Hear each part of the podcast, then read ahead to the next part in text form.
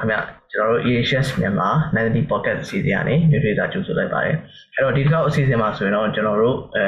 EIA နဲ့ပဲနဲ့ပတ်သက်တဲ့ pocket state တစ်ခုစီစဉ်ထားပါတယ်ပေါ့နော်အဲ့တော့ခေါင်းစဉ်ကတော့ how can EIA help in sustainable development ပေါ့နော်ကျွန်တော်တို့ဒီ environmental impact assessment တွေဘဝရည်ထိခိုက်မှုဆန်းစစ်ခြင်းတွေလုပ်ခြင်းကကျွန်တော်ဒီစဉ်ဆက်မပြတ်ဖွံ့ဖြိုးတိုးတက်မှုလို့ခေါ်တဲ့ sustainable development ကိုဘယ်လိုတွေအထောက်အကူပြုလဲပေါ့နော်။စာရင်းဒီအကြောင်းအရာတွေနဲ့ပတ်သက်ပြီးတော့ဆွေးနွေးဖို့အတွက်ကျွန်တော်တို့ podcast အစီအစဉ်လေးပြုလုပ်ထားပါတယ်။ အဲ့တော့ဒီ podcast မှာဆိုရင်တော့ကျွန်တော်တို့က EIA ဘာပါလဲပေါ့ EIA ဆိုတာဘယ်လိုလုပ်ရလဲသူ့ရဲ့ procedure တွေကပါလဲနောက်ပြီးတော့ဒီ EIA တခုလုပ်တော့မယ်ဆိုရင်ကျွန်တော်တို့သိလို့သိထားရမယ်အဲမှာ policy တွေ guideline တွေပေါ့နော်ဒါတွေနဲ့ပတ်သက်ပြီးတော့ကျွန်တော်တို့ဆွေးနွေးသွားမှာဖြစ်တယ်ပေါ့နော်အဲနောက်ပြီးရင်လူငယ်တွေ EIA ကိုစိတ်ဝင်စားတဲ့လူငယ်တွေအတွက်အဲကျွန်တော်အကြံပြုချက်တွေပေါ့နော်ဒါလေးတွေနောက်ဆုံးမှာပါတော့မှာဖြစ်ပါတယ်အဲ့တော့ဒီနေ့အစီအစဉ်မှာတော့ကျွန်တော်တို့အဲ speaker နှစ်ယောက်ပေါ့နော်အဲ recorder အဲ speaker နှစ်ယောက်ဆွေးနွေးမှာဖြစ်တယ်ပေါ့နော်အဲ့တော့ပထမ speaker ကတော့ကျွန်တော်ကိုယ်တိုင်ပဲဖြစ်ပါတယ်ပေါ့နော်အဲ့တော့ကျွန်တော်နာမည်ကတော့ Counter Strand ဖြစ်ပါတယ် EHS မြန်မာရဲ့ founder and president တစ်ယောက်ဖြစ်ပါတယ်ပေါ့နော်အဲ့တော့ကျွန်တော်နဲ့အတူဒီနေ့ဆွေးနွေးမယ့်သူကတော့ဆရာမတဝေနေဖြစ်ပါတယ်ပေါ့နော် အဲ့တော့မသက်ဝင်နေရတော့ကျွန်တော်တို့ဒီအဲလက်ရှိမှာ EIA နယ်ပယ်ထဲမှာ Environmental Consultant အနေနဲ့လက်ရှိလုပ်ကိုင်နေတဲ့သူလည်းဖြစ်တယ်နောက်ပြီးတော့ကျွန်တော်တို့ EHS မြန်မာရဲ့ online course တစ်ခုဖြစ်တဲ့ Environmental Management and Planning ပေါ့နော် EMP course မှာလည်းစာသင်ကြားပေးနေတဲ့ guest speaker lecturer တယောက်လည်းဖြစ်ပါတယ်ပေါ့နော်ဟုတ်ကဲ့ပါအဲဆိုရင်ကျွန်တော်တို့ podcast လေးစလိုက်ပါတော့မယ်ပေါ့နော်ဟုတ်ကဲ့မင်္ဂလာပါအမဟုတ်ကဲ့မင်္ဂလာပါမောင်ကြီးဟုတ်ကဲ့အဲ့တော့ဟိုဒီဟုတ် ဒီနေ့အဲဒီလိုမျိုးဟောကျွန်တော်တို့ရဲ့ podcast လေးကိုလာပြီးတော့အဲ sharing လုပ်ပေးရတဲ့အတွက်လည်းကျေးဇူးတင်ပါတယ်အချိန်ပေးရတဲ့အတွက်လည်းကျေးဇူးများတင်ပါတယ်ဗျာဟုတ်အမအနေနဲ့လည်းဒီလိုမျိုး podcast စီစဉ်လေးမှာဒီပေါင်းဝင်ရတဲ့အတွက်လည်းဖိတ်ခေါ်ပေးရတဲ့အတွက်လည်း EHS မြန်မာနဲ့မောင်လေးလည်းကျေးဇူးတင်ပါတယ်လို့ပြောချင်တယ်ဟုတ်ကဲ့ပါခင်ဗျာပါဟုတ်ကဲ့အဲဆိုရင်တော့ကျွန်တော်တို့အဲမိကုံလေးတွေနဲ့စလိုက်မယ်ပေါ့နော် โอเคအဲ့ဆိုတော့ပထမဆုံးပေါ့နော်အဲ့တော့ပထမဆုံးအနေနဲ့ကျွန်တော်တို့အခြေခံအကြဆုံးမေးခွန်းပဲကျွန်တော်တို့မေးရမှာဖြစ်တယ်ပေါ့နော်အဲ့တော့ဒီကျွန်တော်တို့တားမဲ့လူတွေဟောအလွယ်ပြောနေကြတယ်ဒီ EIA တို့ IE တို့ EMP တို့ပေါ့နော်အဲ့တော့သူတို့ရဲ့အဓိပ္ပာယ်လေးတွေကိုအရင်ဆုံးကျွန်တော်အကျယ်တဝင့်လေးရှင်းပြပေးပါဦးခင်ဗျာဟုတ်ကဲ့အဲဒီ EIA ဆိုတာကတော့ဒီ environmental impact assessment ပေါ့နော်ဒီမြန်မာလိုဆိုရင်တော့ပတ်ဝန်းကျင်ထိခိုက်မှုစမ်းစစ်ခြင်းပေါ့သူရဲ့အဓိပ္ပာယ်ကိုအဲဒီ တိတိကျကျပြောရမယ်ဆိုရင်တော့ဒါမျိုးဥပဒေကိုပဲအမကအဲ zero follow ပြီးတော့ပြောပြောပြနေပေါ့နော်ဒီပတ်ဝန်းကျင်တင်နေမျိုးဥပဒေများ2014ပေါ့နော်အဲအဲ့မှာဖော်ပြချက်အရာဘယ်လိုအဓိပ္ပာယ်ဖွင့်ထားတယ်ဆိုတော့ဒီဆောင်ရွက်ရန်ဆိုပြုထားတော့စီမံကိန်းစီးပွားရေးလုပ်ငန်းဝန်ဆောင်မှုတို့မဟုတ်လုပ်ဆောင်မှုတစ်ခုခုကိုခွင့်ပြုရန်တင်မတင်ဆုံးဖြတ်နိုင်ရဲ့အတွက်ရင်းလုပ်ငန်းလုပ်ဆောင်မှုကြောင့်ပတ်ဝန်းကျင်ရုပ်ပိုင်းလူနဲ့တက်ရှိလောကနော်လူငွေနဲ့လူမှုစီးပွားရေးတို့ပေါ် သင်ရှားသည့်ပါကထိခိုက်ပြောင်းလဲမှုဖြစ်ပေါ်စေနိုင်သည့်အလားအလာများသို့မဟုတ်ထိခိုက်ပြောင်းလဲမှုဖြစ်စဉ်များရှိမရှိစနစ်တကျစမ်းစစ်ပြီးလုပ်ငန်းစဉ်ကိုဆိုသည်ဆိုပြီးတော့ဒါဖော်ပြထားရပေါ့နော်အဲပြောရမယ်ဆိုရင်တော့ဒီဘလို့စီမံကိန်းအမျိုးအစားပေါ့နော်စီးပွားရေးလုပ်ငန်းမျိုးမဆိုအမှုလုပ်ငန်းဖြစ်ဖြစ်ပေါ့နော်အဲဆောင်ရွက်ဖို့အသေးကြီးလာရဆိုရင်ဒီလုပ်ငန်းကိုအာဒီပေါ့နော်လုတ်တင်မလုတ်တင်ဆိုတာခွင့်ပြုဖို့အတွက်ဒါပတ်ဝန်းကျင် ထိခိုက်မှုစမ်းစစ်တဲ့လုပ်ငန်းတရားဖြစ်တဲ့အဲ EIA လို့ခေါ်ရဲခုနကပေါင်းတင်ထိခိုက်မှုစမ်းစစ်ခြင်း environmental impact assessment IE initial environmental examination ခေါ်ရဲကနဦးကောင်စစ်စမ်းစစ်ခြင်းနဲ့ EMB environmental management plan ဒီပေါင်းတင်စီမံခန့်ခွဲမှုအစီအစဉ်ဆိုတာတွေပေါ့နော်အဲ့ဒါတွေကိုဆောင်ရွက်ရတယ်ပေါ့နော်အဲဒီ environmental impact assessment ဆောင်ရွက်ရတဲ့ဒီလုပ်ငန်းဆိုတာကဆိုပြလိုက်တဲ့ဒီလုပ်ငန်းကြောင့်ပေါ့နော် လေလူရေလူမြေလူတွေအပေါ်မှာပေါ့နော်အဲညဉ့်ညမ်းမှုတွေတက်ရောက်မှုတွေဒါတွေဖြစ်ပေါ်လာနိုင်တယ်လေပေါ့နော်ဒါမှမဟုတ်ရှင်လူနဲ့တက်ရှိလောကအတွက်ဒါထိခိုက်မှုတွေဖြစ်နိုင်သလားပေါ့နော်အဲ့ဒီလုပ်ငန်းอ่ะပေါ့နော်ဒီလူမှုစီးပွားရေးဆိုင်ရာတွေပေါ်မှာဘယ်လိုမျိုးတက်ရောက်ပြောင်းလဲမှုတွေဖြစ်ပေါ်သွားနိုင်တယ်လဲအဖရှိရပေါ့နော်ဒီပတ်ဝန်းကျင်ပေါ့နော်အာ physical ကော social ရောပေါ့နော်အဲပတ်ဝန်းကျင်ပေါ့ဒါဖြစ်ပေါ်လာနေတဲ့ social ကောင်းကျိုးတွေဒါအလားအလာကိုဘယ်လောက်ရှိတယ်လဲဆိုတာက စနစ်တကျစမ်းစစ်တဲ့လုပ်ငန်းစဉ်ကိုပြောတာဖြစ်တယ်ပေါ့နော်အဲဒီလေးလာမှုကိုအဲကြည့်ပြီးအဲဒီလိုမျိုးပေါ့နော်အဲဒီစမ်းစစ်မှုပေါ့နော်တရားမှုအတိုင်းအတာမှနောက်ကြည့်ပြီးတော့ဒီလုပ်ငန်းကိုခွင့်ပြုဖို့တင်မတင်အဲဘယ်လိုလူပတ်ဝန်းကျင်ထိခိုက်မှုစမ်းစစ်တဲ့လုပ်ငန်းစဉ်ကိုဆောင်ရွက်ရမလဲဆိုတာတော့ဒါသုံးဖြတ်ဒါသုံးဖြတ်ရဖြစ်တယ်ပေါ့နော် အာနောက်တစ်ခုကတော့ IEE ပေါ့နော် IEE ကျတော့ဒါခုနပြောတဲ့ Initial Environmental Examination ပေါ့နော်မြန်မာလိုကတော့ Canal Foundation Sensation ပေါ့သူ့ရဲ့အဓိပ္ပာယ်လေးကိုလည်းခုန new way မှာအာဖွင့်ဆိုထားတဲ့အတိုင်းပြောရမယ်ဆိုရင်တော့ဒါစီမံကိန်းဘွိုင်းလုပ်ငန်းဝန်ဆောင်မှုသို့မဟုတ်လောက်ဆောင်မှုတစ်ခုဤဖြစ်နိုင်ခြေရှိသောအကျိုးတရားမှုများသည့်တိတာထင်ရှားမှုရှိမရှိပေါင်းရှင်ဒီတိုင်းမှုစံစစ်တင်ဆောင်ရွက်ရန်လိုအပ်ခြင်းရှိမရှိနှင့်တတ်မှတ်ထားသောအခြားစာရေးစာရင်းထောက်ထားများပြည့်စုံတင်ပြနိုင်ရန် လိုအပ်ခြင်းရှိမရှိစစ်ဆေးခြင်းကိုဆိုသည်ဆိုပြီးတော့ဒါအတိအကျတာပေါ်ပြထားရပေါ့နော်။အဲဒါကတော့အဲပြောရမယ်ဆိုရင်တော့ဒါစီမံကိန်းလုပ်ငန်းတစ်ခုကဒီပတ်ဝန်းကျင် climate science ကို EIN ဆောင်ရွက်ရင်လိုမလို့ကိုဒါအဲကနဦး science ဒါမျိုးပေါ့နော်။ဒါမှမဟုတ်လို့ရှိရင် EIN ဆောင်ရွက်ရလောက်တယ်ပေါ့နော်။အဲပေါ့ခုနလို environmental impact assessment ပေါ့ heavy ပေါ့နော်လောရလောက်တဲ့လုပ်ငန်းအရွယ်အစားနဲ့ပမာဏမရှိရဲ့ဒါစီမံကိန်းလုပ်ငန်းတွေမှာဆိုလို့ရှိရင် အဲ့ဒီစီမံကိန်းလုပ်ငန်းတွေပြောတာပေါ့နော် IE လောက်ရတဲ့စီမံကိန်းတွေပေါ့နော်တကယ်လို့အာဒီ channel ဆန်းစစ်ခြင်းရလာကဒီပတ်ဝန်းကျင်ဒီဇိုင်းမှုဆန်းစစ်ခြင်း EIA ဆက်လက်လုပ်ဆောင်ဖို့လိုအပ်နေရဆိုလို့ရှိရင်တော့ဒါ EIA ဆက်လက်လုပ်ဆောင်ရမှာနော်အဲ့လိုမျိုးဟိုရှိရပါတော့နောက်တစ်ခုကတော့ EMB ပေါ့နော် EMB ဆိုတာကြတော့ဒီ environmental management plan မြန်မာလိုကြတော့ပတ်ဝန်းကျင်စီမံခန့်ခွဲမှုအစီအစဉ်ဆိုပြီးပြောကြရပါတော့အဲသူ့ကိုလည်းခုနကလို new brain မှာဆိုလို့ရှိရင်ဒါစီမံကိန်း ဒီဝိုင်းလုပ်ငန်းဝန်ဆောင်မှုသို့မဟုတ်လုပ်ဆောင်မှုပေါ့နော်တိဆောက်ခြင်းအကောင့်ထဲပေါ်ဖောင်းရခြင်းလုပ်ငန်းလည်ပတ်ခြင်းရက်စဲခြင်းပိတ်သိမ်းခြင်းလုပ်ငန်းအဆင့်ဆင့်ဆောင်ရွက်မှုကြောင့်၎င်းရင်းသို့ဆောင်ရွက်ခြင်းနဲ့သက်ဆိုင်သည့်အခြားအကြောင်းတစ်ခုခုကြောင့်၎င်းပတ်ဝန်းကျင်ကိုစိုးကျိုးတက်ရောက်ခြင်းမှာကာကွယ်ရင်ဖြစ်စေဆောင်ရွက်ရင်ဖြစ်စေစိုးကျိုးတက်ရောက်မှုရောနေခြင်းဖြစ်စေဆောင်ရွက်မိနည်းလမ်းနှင့်အစီအစဉ်များဖော်ပြသည့်စီမံချက်ကိုဆိုသည်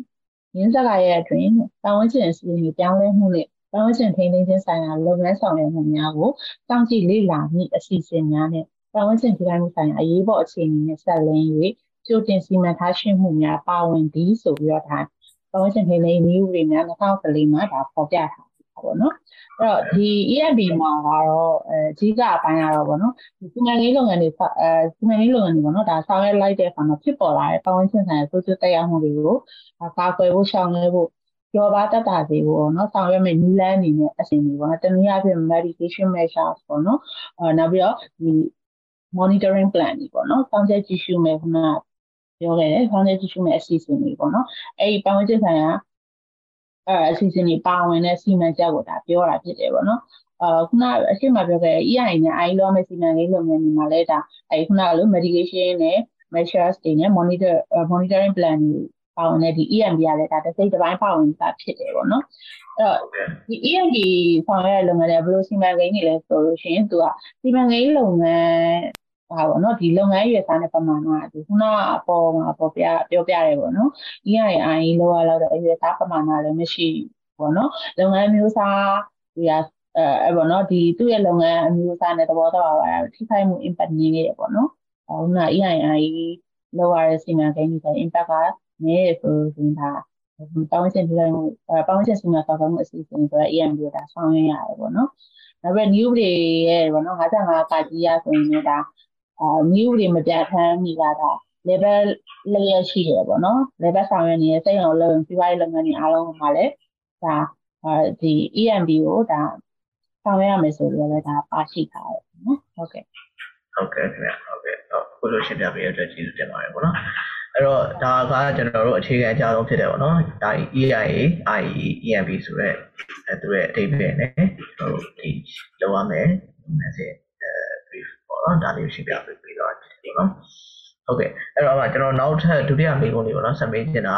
ဒီကျွန်တော်စက်ရုံစီမံကိန်းတွေဒီဒီဆောက်တော့မယ်ဆိုပေါ့နော်ပဝန်းကျင်ထိခိုက်မှုစနစ်ကြီးလုပ်ငန်းစဉ်ကိုဘာကြောင့်လုပ်ဖို့လိုအပ်တာလဲပေါ့နော်အဲ့ဒါလေးတွေရှင်းပြပေးပါဦးအော်ဒီ ဘာကြောင့်လိုအပ်လဲဆိုတာမပြောခင်ဘူးเนาะဒီအဲဒီ AI system ကြီးဘာကြောင့်ဖြစ်ပေါ်လာလဲဆိုတော့ပေါ့နော် history လေးကိုနင်းခဲ့တဲ့အတိုင်းမှာပြောပြပြချင်ပါတယ်ဒီကျမတို့ဒီ AI system ဆိုတာဘယ်ချိန်ကပေါ်လာလဲဆိုတော့အာဒီအရင်တော့ပေါ့နော်ဒီကမ္ဘာလုံးမှာဒီ1960ခုနှစ်ဝန်းကျင်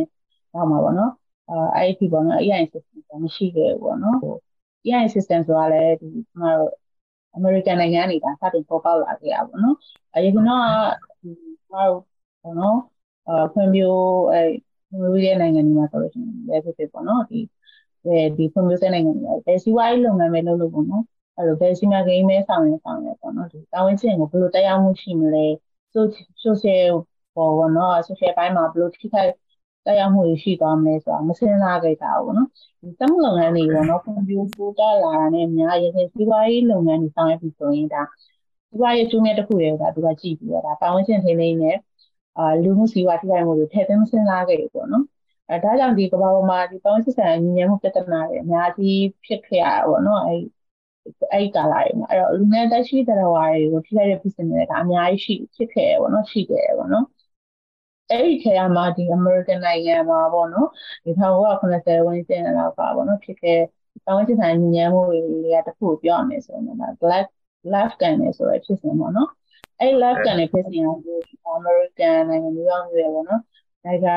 ဒီတပုံအနည်းမှရှိရပေါ့နော်အဲဒီနိုင်ငံမြစ်လက်တက်ကိုဖြတ်ပြီးဖောက်လုပ်ထားတာစွန့်ပစ်တူမျိုးတစ်ခုဖြစ်တယ်ပေါ့နော်အဲ့ဒီဒူးမြောင်းကိုဒီဟိုကာကွန်ကုမ္ပဏီလို့ခေါ်ရဲကမ်ပီကုမ္ပဏီတစ်ခုကနေပြီးတော့အဲသူကပေါ့နော်ဒီခါရောဂါဖြစ်စေနေတယ်အစိတ်တင်တာတို့ပြည်12မျိုးပေါ့နော်တန်ချိန်2000တစ်ခေါင်ခန့်ဆို10ခုနှစ်များစွာပေါ့နော်ဒါဆုံးပြခဲ့တဲ့ အတက်ကအဲ့ဒီဒူးမြောင်းအနီးတောင်ဝဲကျမှာရှိရဲလူနဲ့ရာချီဟာလူရာချီပေါ့နော်လူရာချီဟာသွေးဖြူအရေးအတွက်ပေါ့နော်ဆိုများတဲ့လက္ခဏာရောဂါလက္ခဏာတွေပြီး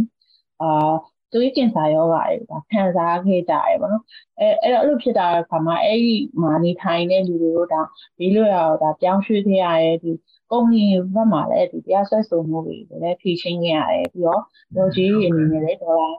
129တန်အောင်လည်းဒါပေးဆောင်ခဲ့ရတယ်ပေါ့နော်ဒီတခြားအဲ့ပေါ့နော်အဲအဲ့ရအပြင်ပေါ့နော်ဒီတူးမြောင်း area ကိုလည်းဒါပြန်လဲပူဇာရေးလုပ်ငန်းတွေဒါနှစ်ပေါင်း30ကျော်အဆောင်ရွက်ခဲ့ရတယ်ဒါဖော်ပြထားရပေါ့နော်ဒါအသေးစိတ်ကိုတော့ဒါမှာတော့နားနဲ့မှာရှာဖွေပြီးတော့ဖတ်ရှုနိုင်တယ်ပေါ့နော်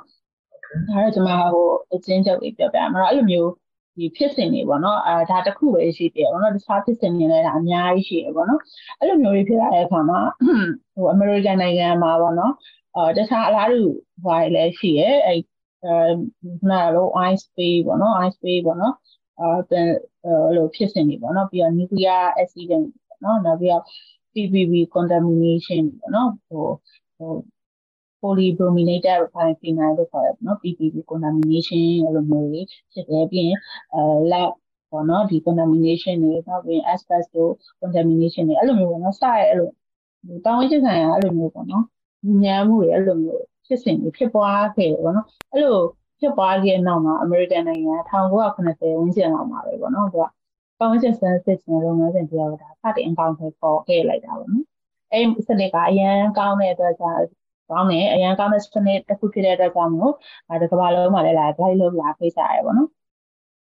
မြန်မာနိုင်ငံမှာဆိုရင်တော့ဒီပတ်ဝန်းကျင်ဆိုင်ရာဥပဒေနည်းဥပဒေပေါ့နော်မပေါ်လာခင်မှာဆိုရင်မြန်မာအဂျန်နာ21ဆိုပြီးတော့ဒါရှိတယ်ပေါ့နော်အဲသူ့1990ခုနှစ်မှာဒါရေးဆွဲခဲ့ပြီးတော့ပတ်ဝန်းကျင်အဲဆိုင်ရာလုပ်ငန်းတွေကစတင်ဆောင်ရွက်ခဲ့ကြတယ်။အဲ့နောက်ကဒီပေါင်းချင်းနေနေဆိုင်ရာသက်ဆိုင်ရာဥပဒေနည်းဥပဒေဖတ်ပေါ်လာခဲ့ပြီးအခုလက်ရှိဒီပေါင်းချင်းပြန်ဆန်းစစ်ခြင်းလုပ်ထုံးလုပ်နည်းဆိုပြီးတော့ဒါ environment EIA ပေါ့နော် environmental impact assessment ဆိုရှိတာ2015ပေါ့နော်။ အဲ့လိုပြောတာဒါပေါ်ပေါက်လာတယ်ဖြစ်ပါတယ်။အဲဒီနိုင်ငံတွေပေါ်မှာမူတည်ပြီးတော့လည်းဒါ EIA လုပ်ငန်းစဉ်လုပ်ရရပေါ့နော် process တွေကလည်းမတူကြဘူးပေါ့နော်။နိုင်ငံတနိုင်ငံချင်းပြည်မှာလည်းဒါတို့ရဲ့ rules and regulation တွေ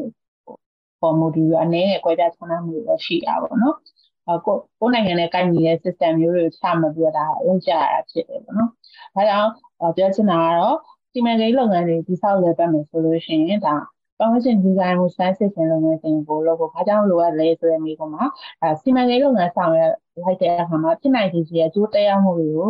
နော်ဒီအဲဒီ physical အပိုင်းရောပေါ့နော်ဒီ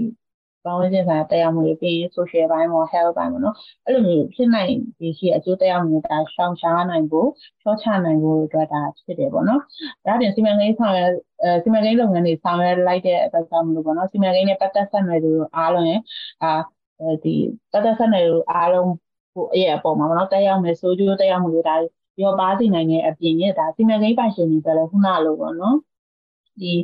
အဲ့လိုမျိုးညဉ့်ညံမှုတွေဖြစ်လာမယ်ဆိုလို့ရှိရင်သူရဲ့အကျိုးစီးပွားတွေပေါ်မှာလည်းဒါမကောင်းနိုင်ဘူးလေအဲ့တော့ဒီလိုမျိုးတွေအာဒီ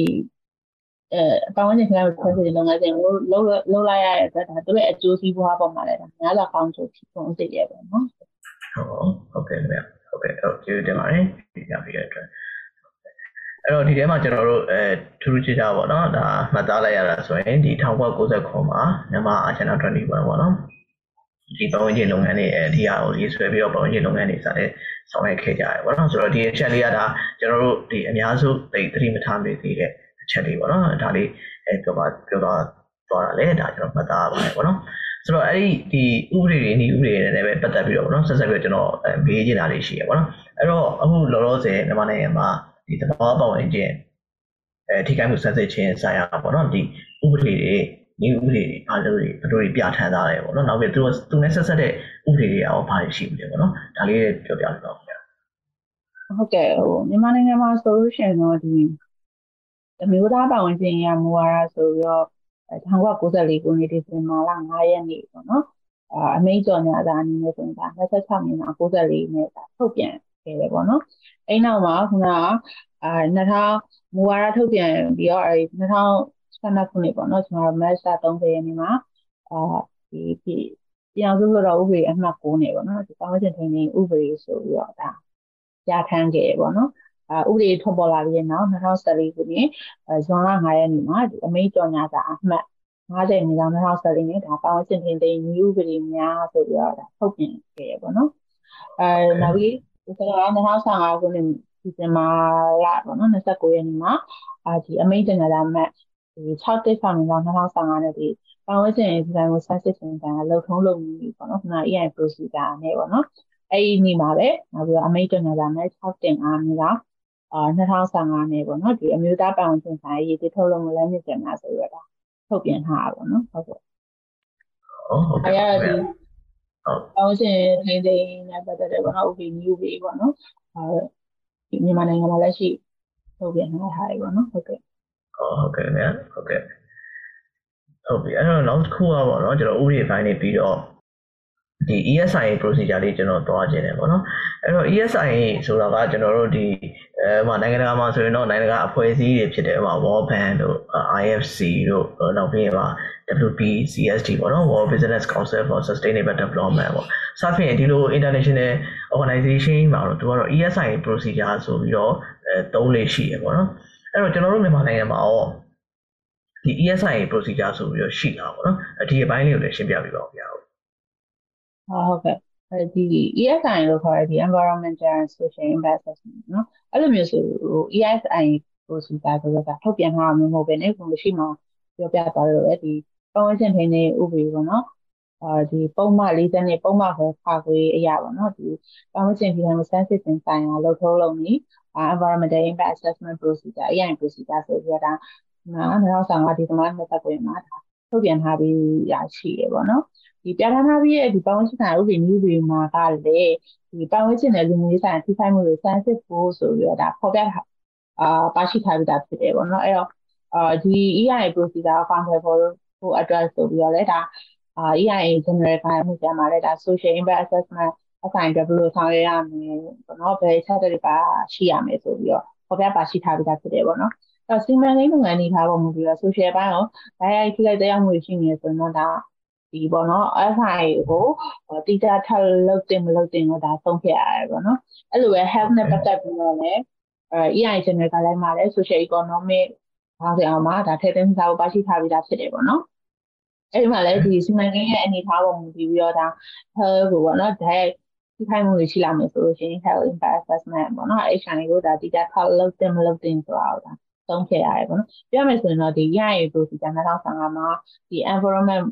အပိုင်းပြင်ပေါ့နော်ဒီ social အပိုင်းတွေတော့ကဘာအဖြစ်ကြီးထားမျိုးတော့ဖော်ပြထားပြီးသားအာဖော်ပြပါရှိထားပြီးသားဖြစ်တယ်ပေါ့နော်အာဒီအဲ့လိုပေါ့နော်ဒီ SI ခုနပြောရဲ HI ကိုအဲ့လိုမျိုးဟိုတီးကြပေါ့နော်ခက်လို့တင်မလို့တင်ဟိုဘယ်လိုစီမံကိန်းတွေမှာလောက်ရလဲဆိုဥပမာဒီ oil and gas offshore စီမံကိန်းတွေမှာဆိုလို့ရှိရင်ဒါ social နဲ့ hair အတွက်ပေါ့နော်အာဒီစမ်းစစ်မှုတွေလောက်ရတာမျိုးရှိရပေါ့နော်စီမံကိန်းအကြီးဖြစ်တဲ့အတွက်ပေါ့နော် အာဘာလို့လဲဆိုတော့လူမှုစီးပွားရေးဒီ social ဘိုင်းမှာဆိုရင်ပေါ့နော်ဒီဒီ offshore ဖြစ်တဲ့အတွက်ပေါ့နော်သူကတန်ခါဘယ်လိုလောက်ကင်နေလဲဒါသူတို့ရဲ့ live ကိုထိခိုက်စေရမျိုးတွေပါရှိရပေါ့နော်အဲအဲ့အဲနောက်ပြီးတော့ Asian health အတွက်ဆိုလို့ရှိရင်လည်းဒါကျမတို့ဆိုလည်းအာလေဒူးနဲ့ရေဒူးအစိတ်တောက်ဖြစ်စေတဲ့အရာတွေဒါဆုတ်ထုတ်တဲ့ဆွန့်ထုတ် မှုတွေတောင်ပေါ့နော်ဒါလူရဲ့ကျန်းမာရေးထိခိုက်စေတာမျိုးတွေအဲ့လိုမျိုး impact များစေတဲ့စီမံကိန်းတွေဖြစ်တဲ့အတွက်ကြောင့်မို့အဲ့လိုစီမံကိန်းဆိုလို့ရှိရင်ဒါ SIA နဲ့ HIA social impact assessment နဲ့ health impact assessment ကိုဒါဒီရှာဆက်လို့ကိုလိုအပ်တာမျိုးရှိတာပေါ့နော်ဟုတ်ကဲ့哦ဟုတ်ကဲ့ဗျဟုတ်ကဲ့အဲဆိုရင်တော့ကျွန်တော်တို့ရှင်းတော့မှာပေါ့နော်ဟုတ်ကဲ့အဲ့တော့ဒီမှာကျွန်တော်တို့တစ်ခုပါလာတာပေါ့နော်ဒီမှာအဲ SIA တို့ HIA တို့ဆိုပြီးပါလာတယ်ပေါ့နော် အဲ့တော့နောက်မေးခွန်းတစ်ခုကျွန်တော်ကျွန်တော်သိချင်တာကဒီ environmental impact assessment EIA ရဲ့ဒီ social impact assessment အဆိုင်သူ့ရဲ့ကွာခြားပုံလေးကိုလည်းပြောပြပေးပါဦးအဲ့ဒါတော့ဟိုအချင်းမှာပေါ့နော်အပေါ်မှာလည်းကျွန်တော်ဆွေးနွေးခဲ့တယ်ပေါ့နော်ဒီ AI ဆိုတာကဒီပတ်ဝန်းကျင်ပေါ်ဒါရိုက်ထိခိုက်မှုကိုစမ်းစစ်တဲ့လုပ်ငန်းစဉ်တွေဖြစ်ပြီးတော့ဒီ SI လို့ခေါ်တဲ့ social messaging ဆိုတာတော့ဒီ social ဘိုင်းပေါ့နော်ဒါရိုက်ထိခိုက်မှုတွေကိုစမ်းစစ်တဲ့လုပ်ငန်းစဉ်တွေပေါ့နော်အဲ့တော့ဒီပတ်ဝန်းကျင်ကို ဟိုဓာတ်ထိခိုက်မှုဆိုတဲ့နေရာမှာဒီကျမတို့ပတ်ဝန်းကျင်မှာဆို physical အပိုင်းပေါ့နော်လေရေမြေအတန်အနစရပေါ့နော်ဒါအဲ့အရာတွေအပေါ်ဓာတ်တရားမှုတွေရှိရထိခိုက်မှုတွေဒါစမ်းစစ်တာဖြစ်တယ်ပေါ့နော်အဲ social အဲဟိုဓာတ်ရိုက်ထိခိုက်မှုဆိုတာကဒီလူတိုင်းပေါ့နော်ဓာတ်ရိုက်တရားမှုတွေဖြစ်စေတဲ့ပြီးတော့ထိခိုက်မှုတွေဥမာလူသားတွေကျန်းမာရေးပေါ့နော် lively နဲ့လို့ခေါ်ရတဲ့ဒီ အဲဒီအတမွေးဝါးကြောင်းလုပ်ငန်းတွေပေါ့ဒါရိုက်ထိခိုက်တာပေါ့နော်နောက်ပြီးရင်အဲသူလူတွေရဲ့ပေါ့နော်နေထိုင်တာအိုးအိမ်ထိခိုက်ပျက်စီးစီအစားအဲ့ပေါ့နော်ထိခိုက်မှုတွေဆန်းစစ်တဲ့ဒါလုပ်ငန်းစဉ်တွေဖြစ်တယ်ပေါ့နော်အဲ့တော့အိုးမှာအနေနဲ့ဘလို့စီမံကိန်းမျိုးစားတွေမှာဆိုလို့ရှိရင်ဒီလို SIA တွေဟိုလောက်ရလဲဆိုတော့နောက်ထပ်ပေါ့နော်ဟိုပထမဟိုရှေ့မှာပြောခဲ့တော့ INS offshore စီမံကိန်းတွေဟို industrial development project တွေနော် နောက်ပြီး urban development project တွေပေါ့နော်အကြီးသားတက်လူတူထားတဲ့လုပ်ငန်းစီမံကိန်းမျိုးစားတွေပေါ့နော်အဲအဲ့ဒီမှာဆိုလို့ရှိရင်ဒါအဓိကထည့်သွင်းဆောင်ရွက်ပေးရတယ်ပေါ့နော်ဘာလို့လဲဆိုတော့သူတို့ကဒီအဲ social အဲဟိုငါလူလူသားတွေရပေါ့နော်သူတို့ရဲ့ livelihood စီမံကိန်းအကြီးကြီးဖြစ်တဲ့အတွက်သူတို့ရဲ့အဲ့ဒီ data မှာအဲရှိနေရာမှာရှိတဲ့ဒါလူတွေရဲ့ပေါ့နော်ဒါ livelihood တွေသူရဲ့နေထိုင်အိုးအိမ်တွေအဲ့လိုမျိုးပေါ့နော်ဟိုထိခိုက်တရားမှုတွေ အဲ့လိုမျိုးရှိတဲ့အတွက်ကြောင့်မလို့ဒီ social အဲ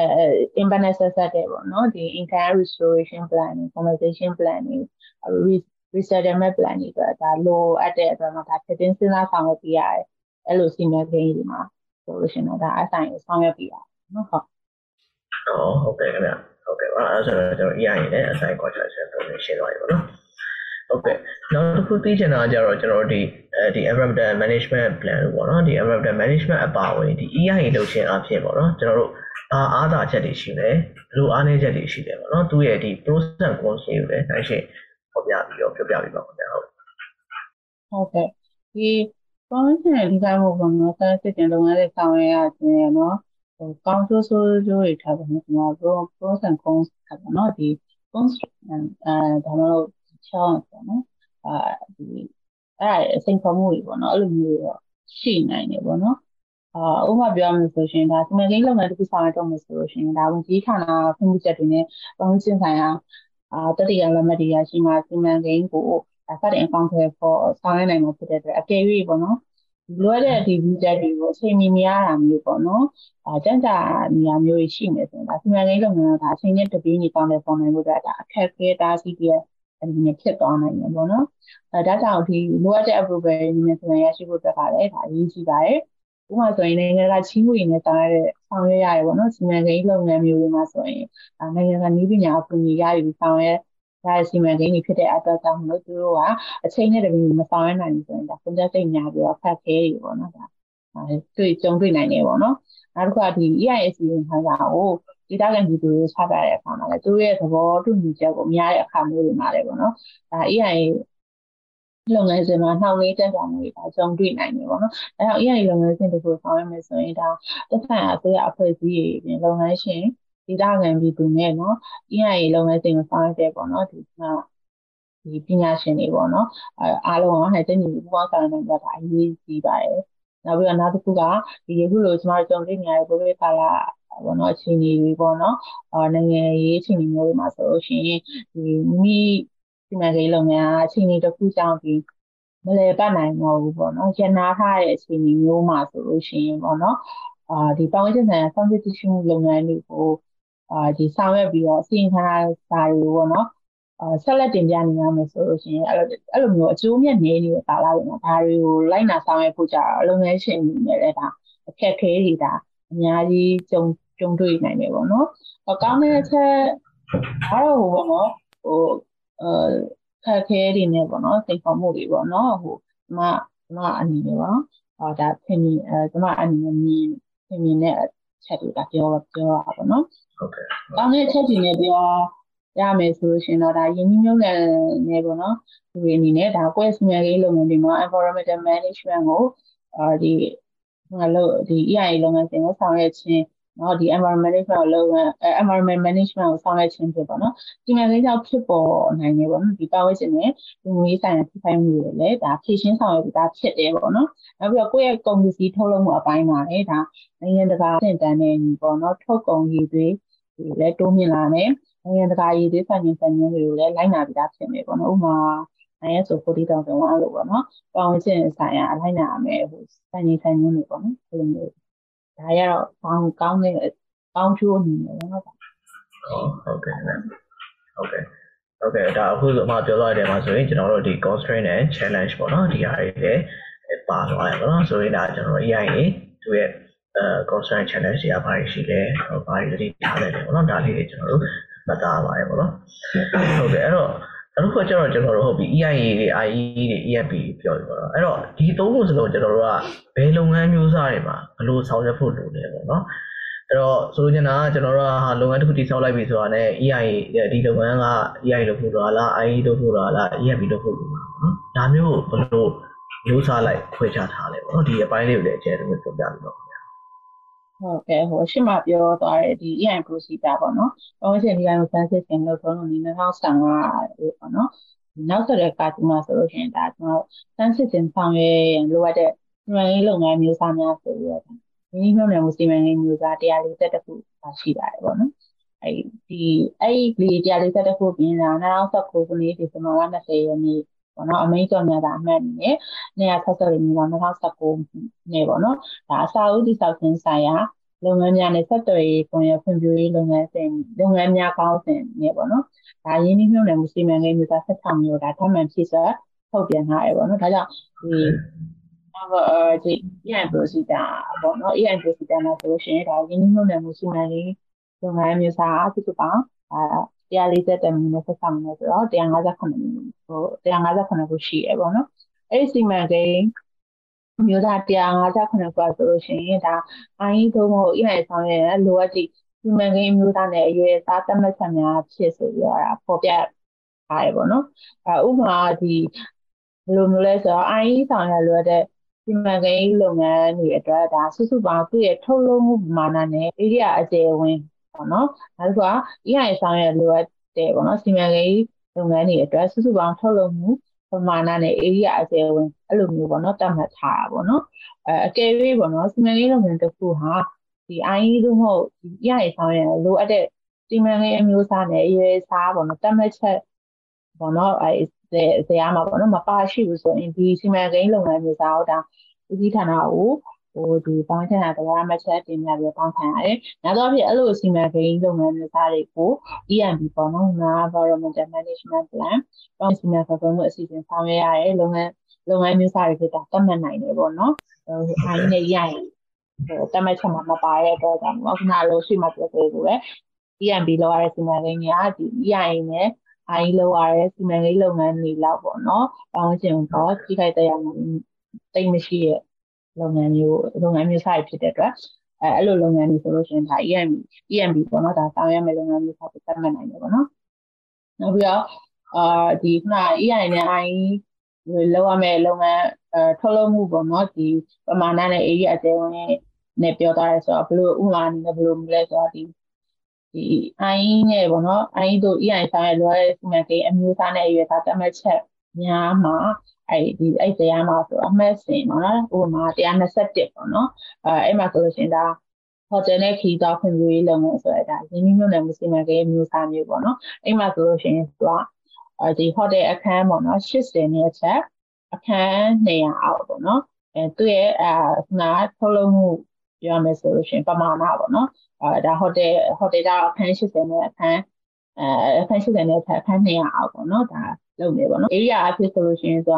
ကစရမီတာ2သိန်းနဲ့အထက်ဒီပေါ့နော်5သိန်းအောက်အဲ့လိုစီမံကိန်းလုပ်ငန်းမျိုးစားဖြစ်ခဲ့မယ်ဆိုရင်အဲ့ဒီထဲမှာရှိရပေါ့နော်စီမံကိန်းမျိုးစားဖြစ်မယ်ဆိုလို့ရှိရင်ဒါအိုင်းကိုဆောင်ရမှာဖြစ်ပြီးတော့အခန်း200နဲ့အထက်အဲ area အဖြစ်ဆိုတာ5သိန်းနဲ့အဲ square meter 5သိန်းနဲ့အထက်ဆိုရင်တော့ဒါ EIN ကိုဆောင်ရမှာဖြစ်တယ်ဆိုပြီးတော့ဒါဖော်ပြတာရှိရပေါ့နော်အဲအဲခုနောက်လို့ပေါ့နော် အဲအကယ်၍ hotel လုပ်ငန်းကအခန်း80အောက်ပဲပေါ့နော် area အဖြစ်ကလည်း square meter 2သိန်းအောက်ပဲရှိနေဆိုရင်တော့ခုနလိုပေါ့နော်အဲဒီ EMB ပေါ့နော်သူက EII လောလောက်မဲ့လောလောက်တယ်ပေါ့နော်အရွယ်သားလည်းမရှိဘူးပေါ့နော်အာ impact လည်းလောက်မရှိတဲ့အတွက်ကြောင့်မို့သူသူကသူအဲ့လိုလုပ်ငန်းတွေပါဒါ EMB လောမှာဖြစ်တယ်ပေါ့နော်အဲ့တော့ IE လောလောက်တဲ့လုပ်ငန်းအရွယ်သားအာအဲ့လိုမျိုးပေါ့နော်မရှိတဲ့လုပ်ငန်းမျိုးတွေကိုတော့အဲခုနပေါ့နော် အဲဒီ EMB လောက်ရလဲ EMB လောက်ရမယ်လို့ပြောပေမဲ့လည်းဒါအာဒါဝင်ကြီးဦးစီးဌာနအော်ဝင်ကြီးဌာနအော်ပေါ့နော်ဒီတရားဝင်ပေါ့နော်ဒီပေါင်းချက်ဆန်ဦးစီးဌာနအော်ပေါ့နော်ဦးစီးဌာနပေါင်းချက်ဆန်သဘောမှတ်ချက်တင်ပြတောင်းခံပြီးတော့မှဒါမျိုးဟိုဆောင်ရွက်ရတာဖြစ်တယ်ပေါ့နော်နောက်ပြီးတော့အဲအဲ့လိုစီမံကိန်းလုပ်ငန်းတွေကလည်းဒီဒီပေါ့နော်ဒီ EMB EMB လောက်ရတဲ့နော်အဲ့လိုစီမံကိန်းလုပ်ငန်းမျိုးရှင်ဒီပေါင်းချက်ဆန်နေ new တွေများပေါ့နော်ထုတ်ပြန်ပြီးပေါ့နော် အော်ဒီ2014ဇွန်လ9ရက်နေ့နောက်ပိုင်းမှာစတင်ပြီးဆောက်လဲပတ်နေတဲ့လုပ်ငန်းအမျိုးအစားများနဲ့အခုမှဒါအခုမှပေါ့နော်ဒီစတင်အကောင့်တွေပေါ်ဆောင်ရမယ့်စီမံကိန်းလုပ်ငန်းအသစ်တွေတော့ဖြစ်တယ်ပေါ့နော်အာဒီ ပတ်ဝန်းကျင်ထိန်းသိမ်းနည်းဥပဒေမှာဖော်ပြထားတာတော့ဘောနော်နည်းဥပဒေများပါဘောနော်ဖော်ပြထားတာတော့ဒီနည်းဥပဒေမထုတ်ပြန်ဘူးပေါ့အတိအကျပြောမယ်ဆိုရင်တော့ခုန2014ခုနှစ်ဇွန်လ9ရက်နေ့မတိုင်ဘူးနော်အဲ level ဆောင်ရလို့ရှိရလုပ်ငန်းအားလုံးอ่ะပေါ့နော်အာဒီလုပ်ငန်းရွယ်သားအဖြစ် EIA လောက်ပဲရှိရရွယ်သားပဲဖြစ်ဖြစ် IE လောက်ရှိရရွယ်သားပဲဖြစ်ဖြစ်ပေါ့နော် new အဲ့ဒီ new တွေမှာပေါ့နော် new တွေ55ခါကြည့်ရဆိုလို့ရှိရင်ဒီအဲ့ဒီလုပ်ငန်းအဲ့ဒီဆောက်လေပတ်လျက်ရှင်လုပ်ငန်းပေါ့နော်တရုတ်လုပ်ငန်းအလုပ်အဲ လုပ်ဘောနော်လုပ်ငန်းအားဆိုလို့ရှိရင်ဒါ EMU ရေးဆွဲဆောင်တဲ့ရမယ်ဆိုပြီးတော့ဒါအာဒီ2018ခုနှစ်ပေါ့နော်ဇွန်လ10ရက်နေ့အမိန့်ကြေညာထားမှာ3လ2010နှစ်နဲ့အဲ2018ဖြစ်ပေါ့နော်ဒါဒီစားပေးသမှုလက်မှုခန္ဓာ9ခုဆိုပြီးတော့ဒါထုတ်ပြန်ထားရပေါ့နော်အဲ့တော့ဒီနောက်တစ်ခုကအပေါ်မှာပြောထားတဲ့စီမံကိန်းလုပ်ငန်းတွေမှာပေါ့နော်လက်ရှိဆောင်ရဲ့အဲစီမံကိန်းလုပ်ငန်းဒါမှမဟုတ်လို့ရှိရင်ပေါ့နော်လုပ်ငန်းဆိုသူပြုသူကသူ့ရဲ့စီမံကိန်း ဒါမှမဟုတ်ဒီရဲ့လုပ်ငန်းကိုတော့ဒါတိုးချဲ့ဖို့ရွယ်ထားရဲဆိုလို့ရှိရင်လည်းဒါဥပဒေဌာနကိုဒါတင်ပြပြီးတော့ဒီဌာနနေပြီးတော့ဒါစမ်းစစ်စစ်ဆောင်ရဲ့အမျိုးသားနဲ့အရွယ်စားတတ်မှတ်ချက်တွေကိုဒါအခြေခံပြီးတော့အဲ့ဒီစီမံကိန်းဒါမှမဟုတ်ရှင်လုပ်ငန်းတိုးချဲ့ခြင်းကဒါ IEI ဆိုတော့နောက်ထပ်စမ်းစစ်တွေတစ်ခုပြုလုပ်ဖို့လိုသလား ဒါမှမဟုတ်ရှင်လည်းဒါ EMI ပဲရေးဆွဲဆောင်ဖို့လိုသလားဆိုတော့အောက်ဒီဌာနတတ်မှတ်ပေးရတယ်ပေါ့နော်အဲ့ဒီချက်နဲ့ပတ်သက်ပြီးတော့ EMI procedure 2015ပေါ့နော်အပိုက်ဆက်တွေမှာလည်းဖော်ပြထားတဲ့ဖတ်ရှုနိုင်ပါတယ်ပေါ့နော်အဲအဲ့လိုဟိုဟိုဥပမာဘာလို့ဘယ်လိုချင်းမျိုးလဲဆိုတော့ဒီခဏဆက်အောင်တစ်ခုကသူ့ရဲ့မူလစီမံကိန်းကအိုင်းဆောင်ရတဲ့လုပ်ငန်းမျိုးပေါ့နော်အဲဒီဒါပေမဲ့အဲသူ့ရဲ့ပေါ့နော်သူကသူ့ရဲ့လက်ရှိထုတ်လုပ်မှုကိုဒီလုပ်ငန်းတိုးချဲ့ဖို့အတွက်ပေါ့နော်ဒါ အဲစီစဉ်ထားရပေါ့နော်အဲ့လိုတိုးချဲ့မှုနဲ့ပတ်သက်ပြီးတော့ဒါသူကဒီ proposal နဲ့ဒီ permission ဦးစီးဌာနပေါ့နော် permission ဦးစီးဌာနကဒါတင်ပြတဲ့အခါမှာအာဦးစီးဌာနနေပြီးတော့ဒီလုံဒီတိုးချဲ့မဲ့ဒီလုပ်ငန်းဒီလုပ်ငန်းအတွက်ပေါ့ဒါနောက်ထပ်ပတ်ဝန်းကျင်ပြည်မှုစမ်းစစ်ခြင်းဘောနော်လုပ်ငန်းတစ်ရက်ကိုတတ်မှတ်ပေးရတာမျိုးပေါ့အဲ့လိုမျိုးပေါ့နော် ဟုတ်ကဲ့ဟုတ်ကဲ့အဲ့တော့ဒီအမပြောသွားတဲ့မှာတော်တော်လေးဟိုစိတ်ဝင်စားဖို့ကောင်းတယ်ပေါ့နော်ဒါလက်တွေ့ကျွန်တော်ဟို EI EIA ဒီ EMB ရေးဆွဲမဲ့လူတွေဆိုတော့ဒါမဖြစ်မနေသိထားမယ့်ချက်တွေပေါ့နော်ဆိုတော့အဲ့ဒီကနေဒီအမရှင်းပြသွားတယ်ကျွန်တော်နည်းနည်းဒီ follow up အဲ question လေးပေါ့နော်ဟိုဒါလေးမေးချင်တယ်အဲ့တော့ပထမတစ်ခုကကြတော့ကျွန်တော်တို့ဒီဒီ Apple consultant တွေ EIA consultant တွေမှာဒီကျုံရတဲ့ပြဿနာဟိုကျုံရပြဿနာတော့မဟုတ်ဘူးပေါ့နော်ဒါကြားနေရအောင်နော်အဲ့တော့အဲ့ဒါဘာလဲဆိုတော့ မလုပ်ငန်းရှင်တွေကအာကိုယ့်ရဲ့ဒီဒီဒီစိတ်ရောစီမံကိန်းရောခုနပြော EIA procedure မှာတွားကြည့်ရပေါ့နော်တွားတွားကြည့်ပြီးတော့ခုနကမှပြောသွားတယ်မှာလည်းပါတယ်စီမံကိန်းအယူဆနဲ့အရွယ်စားတက်မှတ်ချက်ပေါ့နော်အဲ့ဒါမှာတွားကြည့်ပြီးတော့ကိုယ့်ရဲ့စီစဉ်ရုပ်စီမံကိန်းကဘယ်ထဲမှာဘာရေးဆွဲဖို့လိုလဲ EIA လား IE လားဆိုပြီးတော့ အဲဘာကြီးဆွဲပြီးတယ်ပေါ့နော်အစားကိုသူကဆုံးဖြတ်တယ်ပေါ့အဲ့တော့သူတို့ကကိုယ့်အကိုဆုံးဖြတ်ပြီးတော့ဒီဟိုဒီပတ်ဝန်းကျင်ထင်နေဦးစီးဌာနကိုမတင်ဘူးပေါ့နော်မတင်ဘဲနဲ့ကိုယ့်အကိုရေးလို့ရမလားပေါ့ဟာအာစိတ်ရောအာအကြီးရဲ့ပါတယ်အဲ့တော့အကြီးပဲရေးဆွဲတော့မယ်ပေါ့အာဌာနဆိုင်မတင်တော့ဘူးပေါ့နော်ဆိုပြီးအဲ့ဒါအဲ့လိုမေးဖို့အမေးခံနေရှိပေါ့ဆိုတော့အဲ့ဒါနဲ့ပတ်သက်ပြီးတော့အမဘယ်လိုများပြောရပါလဲဟုတ်ကဲ့အဲပြောမယ်ဆိုရှင်တော့ဗောနော်အဲဒီဒီမှာဒီ မှာလေးလုပ်ငန်းရှင်တွေမှာလည်းဒီရရင်လုပ်ငန်းစဉ်အတွက်ပေါ့နော်အဲဒီ requirement တစ်ခုတည်းသူကမဖြစ်မနေလောက်ပါတာပေါ့နော်ဒီအဲဒီ responsible အဲ့လိုမျိုးပေါ့နော်တာဝန်သိပြီးတော့ဒါလုပ်ဖို့အတွက်ဆောင်ရွက်တဲ့စီမံကိန်းတွေနေပါတယ်ခုနလို IE လို့ရရင်ဒီဆောင်ရတဲ့လုပ်ငန်းမျိုးတွေကသူလုပ်ငန်း proposal တင်နေပေါ့နော်ဒီ computer တွေ computer mate တွေပေါ့နော်ဟို ပြောမယ်ဆိုရင် MIC လို့ထိုက်တာလို့ပေါ့နော်အဲ့လို computer တွေ TV TV mate တွေအဲ့လိုမျိုးယူတဲ့အခါမှာသူကတခါတည်းအဲ့လိုပေါ့နော်ဒီပတ်ဝန်းကျင်နဲ့ပတ်ဝန်းကျင် simultaneously နဲ့ပတ်သက်ပြီးတော့ဘေးဟာကိုဆောင်ရွက်ရမယ်ဆိုတာပေါ်ပြပါရှိထားပြီးသားဖြစ်တယ်ပေါ့နော်အဲအဲအဲ့လိုမျိုးညွှန်ကြားချက်မျိုးရှိရဲ့အတွက်ကြောင့်မို့ဒါလောက်ကြရဲပေါ့နော်ညွှန်ကြားချက်ရှိလို့လောက်ကြရတာပေါ့နော်အဲခုနလို EMB လိုဟာမျိုးကြတော့အာဒီ ဒီပေါ့နော်ဒီအရွယ်သားတမတ်ချက်တွေမှာမပါဘူးအဲဆို EMB လောက်ရမယ်ဆိုတာမျိုးကအာဒီလောက်တာလောက်ရဒါပေမဲ့ပြန်တင်အဲဒီပေါ့နော်ဒီအစီရင်ခံစာကိုဒါကရေးဆွဲပြီးပြီဆိုရင်ဒါတက်ဆိုင်ခံတော့တင်ပြမယ်လိုအပ်တဲ့အဲဒီဒီ budget တွေပေါ့နော်ဒီ approval တွေဒါယူရတယ်လေယူရတဲ့အခါမှာအာခုနလိုဟို3ရင်းဆောင်2018လို့ပေါ့နော်ဒီအမိန်အမိန်ကြော်ညာတာလိုမျိုးဒါထုတ်ပြန်ထားဥစားပေးသမှုလုံးကဏ္ဍကိုကိုရမှာပါဝင်လို့ ဆွဲလိုက်တယ်ဆိုတာမျိုးကတစ်မျိုးပေါ့နော်အာဒီဒါကခုနကနည်းဥပဒေမပြထိုင်းရင်ဒါလုပ်ငန်းတွေကိုပြောတာပေါ့နော်နည်းဥပဒေပြထိုင်းပြီးနောက်ပိုင်း2014နောက်ပိုင်းမှာအာလုပ်တဲ့ဒီမှာဂိမ်းကြီးမှာဆိုလို့ရှိရင်ခုနလိုပေါ့နော် EMP ကိုအာဒါ EMB လောက်ရမယ်ဆိုလောက်လိုက်တယ်ပေါ့နော်ဒါပေမဲ့တော့တင်တင်ပြတဲ့အခါမှာဒါညွှန်ကြားချက်လိုမျိုးဒါယူရမှာပေါ့နော်အဲ့တော့သူတို့ရေးဆွဲပြီးတင်ပြတဲ့ဌာနအနေနဲ့ကဒီလိုဒီဟာနဲ့ပတ်သက်ပြီးတော့ EMB ရေးဆွဲရမယ်ဆိုတော့ဌာနညွှန်ကြားချက်မျိုး ဟိုရှိမှာပဲဒါလက်ခံနေပေါ့နော်အဲ့တော့အာဒီအဲအဲ့ဟာကြတော့ဒီပြန်ပြီးတော့ process ကိုနောက်နောက်ပြန်ပြီးတော့လောက်တာမျိုးပေါ့နော်အဲ့လိုမျိုးရှိတယ်နော်ဟုတ်ကဲ့ဟုတ်ကဲ့ကိုကနေကိုဆုံးပြတာလည်းဒါဟိုလုံထုံးလုံနေမှာလည်းဦးစီးမှာလည်းဒါဦးစီးဌာနကိုဒါကောင်းကျင်တဲ့သဘောထားမဲ့ချက်တင်မြတ်တောင်းခံရမယ်ဆိုတာပါရှိထားတာပေါ့နော်အဲ့လိုသွားရမှာပေါ့နော် process ပါဟုတ် ဟုတ်ကဲ့ခင်ဗျဟုတ်ကဲ့အဲဆိုတော့ရှင်းပါပြီပေါ့နော်အဲဆိုရင်ကျွန်တော်တို့ကအဲကိုယ့်အကိုဟို EIA IEMP ဆိုပြီးတော့စုံပြတ်တာထက်ပေါ့နော်ဌာနဆိုင်ရာရဲ့သဘောထားမှတ်ချက်တောင်းပန်ပြီးတော့မှဆွဲတာပို့ပြီးတော့အဲဥပဒေနဲ့လည်းပြီးရပေါ့နော်ပို့ပြီးတော့လည်းအလုပ်ဖြစ်ပေါ့နော်မဟုတ်ရင်ပြန်ပြီးတော့လုပ်နေရတယ်ဆိုရင်ချိန်နေကုန်မယ်ဝေးကုန်မယ်ပေါ့နော်ဒီ process တွေရှိပါတယ်ဟုတ်ကဲ့ဟုတ်ကဲ့ဆိုတော့အဲ့တော့နောက်တစ်ခုကတော့ဒီဒီခုနကဆက်ဆက်မိကုန်ပေါ့နော်ခုနအမပြောသွားတဲ့မှာလည်းဒါဟိုတယ်အဲနဲ့ ပတ်သက်ပြီးတော့ဥမာလေးပြောပါမယ်အဲ့တော့ဒီမှာကျွန်တော်ရှင်းရှင်းလေးထပ်ပြီးတော့သိကြတာအဲ့ဆိုရင်ဥမာဆိုကြတော့ကျွန်တော်ကဟိုတယ်အခန်းတရားပါတဲ့ဟိုတယ်လုံးစောက်ပဲပေါ့အဲ့ဒါဆိုရင်ကျွန်တော်ကဘာလို့စောက်ဟိုဘယ်ဘယ် report ကိုရေးဖို့လုပ်ရမလဲအော်ခုနကအဲဒီမှန်ကန်ရေးမျိုးသားနဲ့ရွေးစားတတ်မှတ်ချက်မှာဆိုလို့ရှိရင် IE ဆိုလို့ရှိရင်ဟိုတယ်အခန်း80နဲ့အထက်ဆိုရက်အခန်း200အောက်ဆိုရက်ဒီမှန်ကန်ရေးဆိုရင် အာဒါ IE လောက်မယ်ဆိုတော့သူရဲ့ရွေးစားတတ်မှတ်ချက်မှာပါထားတယ်။ဟိုလည်းအခန်း100ဖြစ်တယ်လေဒါ IE လောက်ရမယ်ရွေးစားအဲပေါ့နော်လုပ်ငန်းရွေးစားရဲ့ပါသွားတဲ့အတွက်ကြောင့်မို့ IE ကိုဆောင်ရွက်ရမှာဖြစ်တယ်ပေါ့နော်။ဟုတ်ကဲ့ခင်ဗျာဟုတ်ကဲ့အဲဆိုရင်တော့ကျွန်တော်တို့ကဒီအခန်းကြီးအတွက်ပေါ်လိုက်ပြီးတော့ဒါဒီအဲဒီစီမံကိန်းအမျိုးအစားနဲ့အရွယ်အစားသတ်မှတ်ချက်သတ်မှတ်ထားတဲ့အတိုင်းကျွန်တော်တို့ IE ရဲ့ဝင်တယ်ဆိုရင် IE ရဲ့လုပ်ပြီးဖို့ဆိုရယ်အဲ EIE ရဲ့ဝင်တယ်ဆိုရင် EIE ရဲ့လုပ်ပြီးဖို့ နော်ဟုတ်ကဲ့ဗျာအဲ့တော့ဟိုနောက်တစ်ခုပေါ့နော်နောက်တစ်ခုကဒီအမပြောသွားသလိုပဲပေါ့နော်ငါကျွန်တော်တို့ကဒီကိုယ့်ရဲ့စက်ရုံလုပ်ငန်းအတွက်တော့ EIE တခုကလုပ်ပြီးပြီးတော့ရေးဆွဲပြီးပြီးတော့ဒါပေမဲ့နောက်တစ်နေရာမှာအဲဒီစက်ရုံနဲ့မလန့်မကမ်းလို့နေရာမျိုးမှာအဲနောက်ထပ်စက်ရုံလေးတစ်ခုပေါ့ဟိုမှာသူ့လောက် protection rate တော့မများဘူးပေါ့ဒါပေမဲ့စက်ရုံကိုယ့်ရဲ့စက်ရုံပေါ့ဒါပေမဲ့သူကကျတော့နေရာဒေသတူပေါ့နော်ခက်လန်းလန်းနေရတယ်ပေါ့အဲ့ဒါမျိုးဆိုရင်ကြတော့ကျွန်တော်တို့က ဒီ EI report တွေပါတော့ရှင်းဆွဲဖို့ထပ်ပြီးတော့ရှင်းဆွဲဖို့လုပ်နေတာပေါ့နော်အဲ့ဒါလေးတွေပြောပြလိုက်ပါဟုတ်ပြဿနာတော့မောင်လေးကဒီခင်လောက်ထားတဲ့စီမံကိန်းကဒါ EI လောက်ရဲ့စီမံကိန်းပေါ့နော်လုပ်ငန်းကို extension လုပ်လိုက်တာပေါ့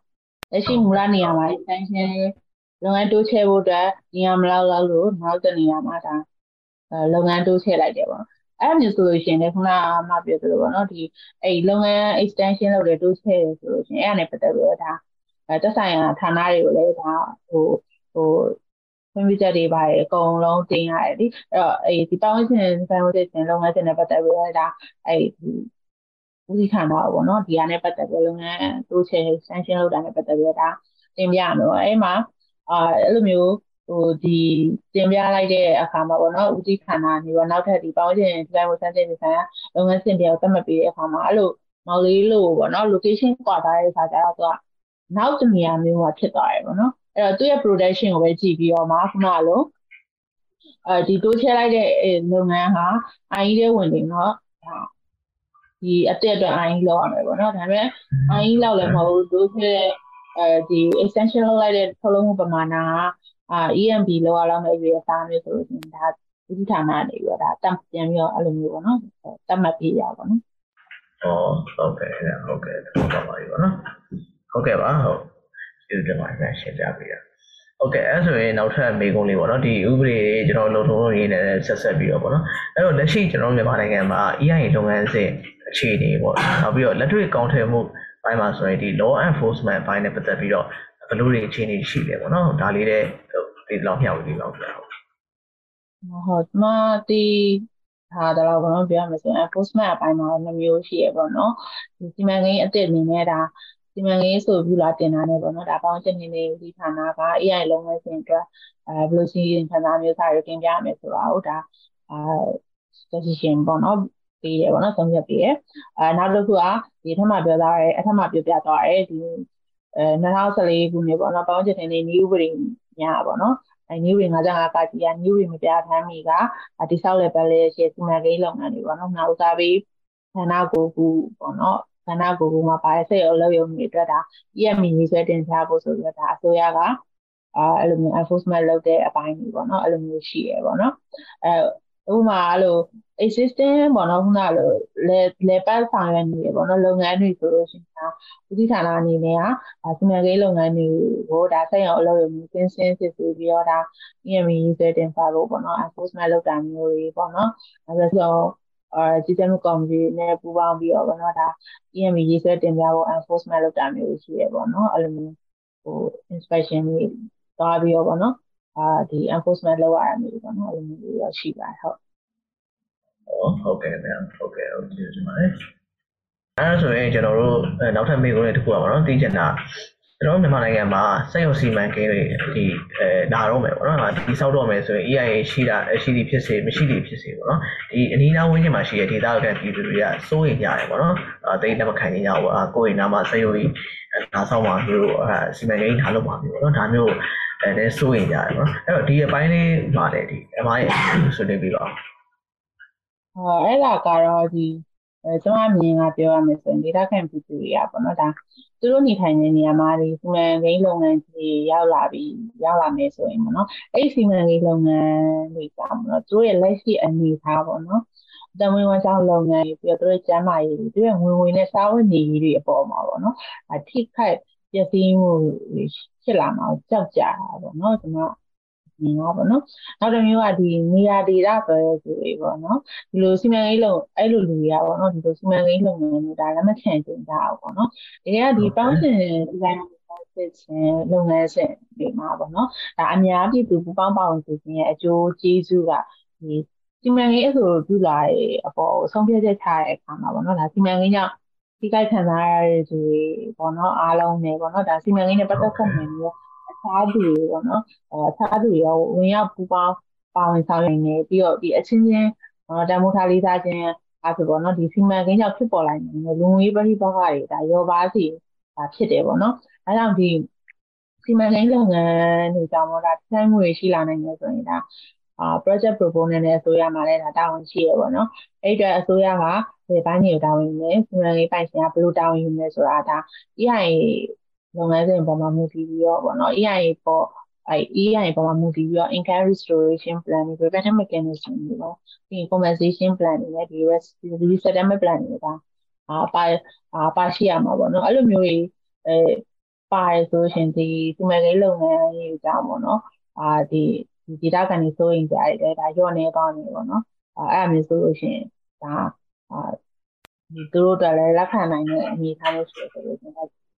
ကြောက်ကြရတယ်မလို့ပေါ့နော်ဟုတ်ကဲ့ဟုတ်ကဲ့ဟုတ်ကဲ့အဲဆိုရင်တော့ဒီကျွန်တော်တို့ဒီအစိုးရပိုင်းနဲ့ project project proponent ပေါ့နော်အဲပေါင်းဆက်ပြီးတော့လုပ်ရမယ်အပိုင်းနောက်ပြီး data ရဲ့ due to တွေပူပေါင်းပါဝင်အောင်လုပ်ရမယ်အပိုင်းပေါ့နော်ဒါမျိုးတွေလုပ်တယ်ဆိုရင်တော့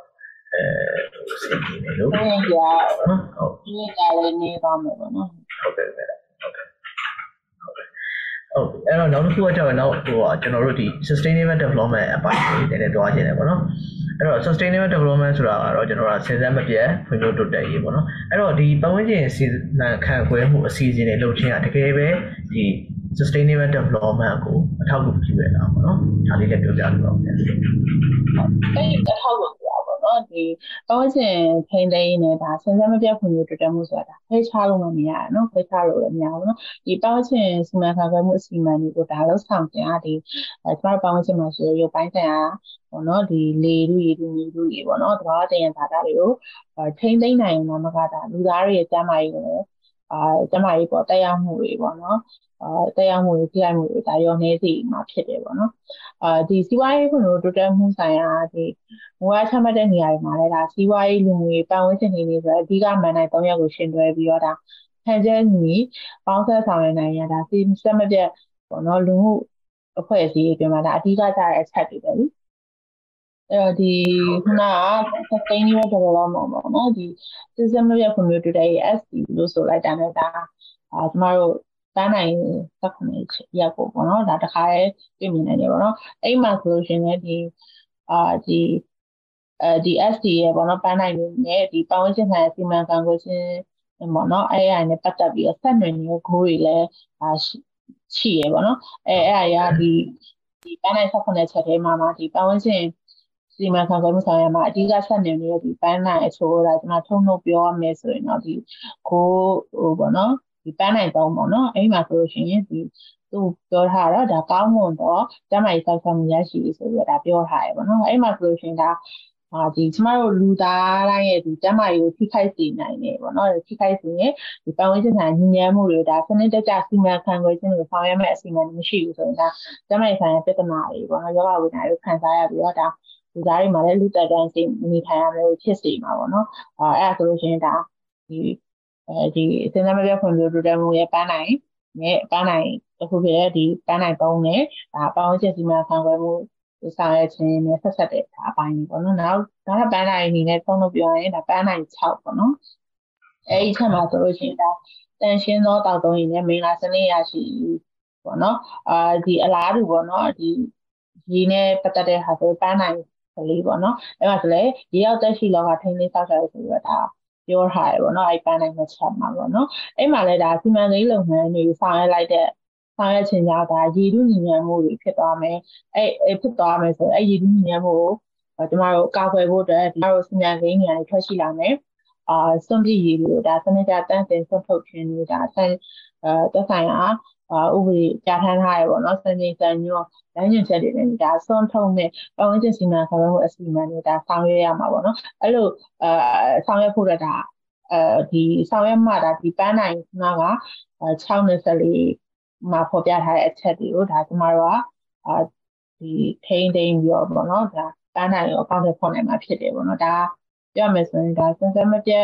ဒီ SD ရဲ့ SD ရဲ့ပေါ့နော်ဂိုးတွေနဲ့ဒါပတ်ဝန်းကျင်စီမံခန့်ခွဲမှုဆောင်ရွက်ခြင်းရဲ့ဒါဆက်နွယ်နေအပိုင်းတွေပေါ့နော်နောက်ထပ်ဒီဒီပေါ့နော်ဒီပတ်ဝန်းကျင်စီမံခန့်ခွဲအစီအမံတွေဆောင်ရွက်ခြင်းကြောင့်ပေါ့နော်ဒါစင်စမပြမျိုးတွေဘလို့စင်စမပြဖွံ့ဖြိုးတိုးတက်ရေးပေါ့နော်ဒီဘလို့အထောက်အကူဖြစ်တယ်ဆိုတော့ ID ဒီစင်စမပြဖွံ့ဖြိုးတိုးတက်ရေး SD ရဲ့ဂိုးတွေကနိုင်နေဖြစ်တယ်ပေါ့နော် အာခုနရှေ့ရောက်ခါတော့ဒါထုံထုံဖော်ပြသွားတာပေါ့နော်နောက်နောက်ထပ်ကိုးကြီးဖြစ်တဲ့ဒီပန်းနိုင်ခုနှစ်ပေါ့နော်ဒါလူတိုင်း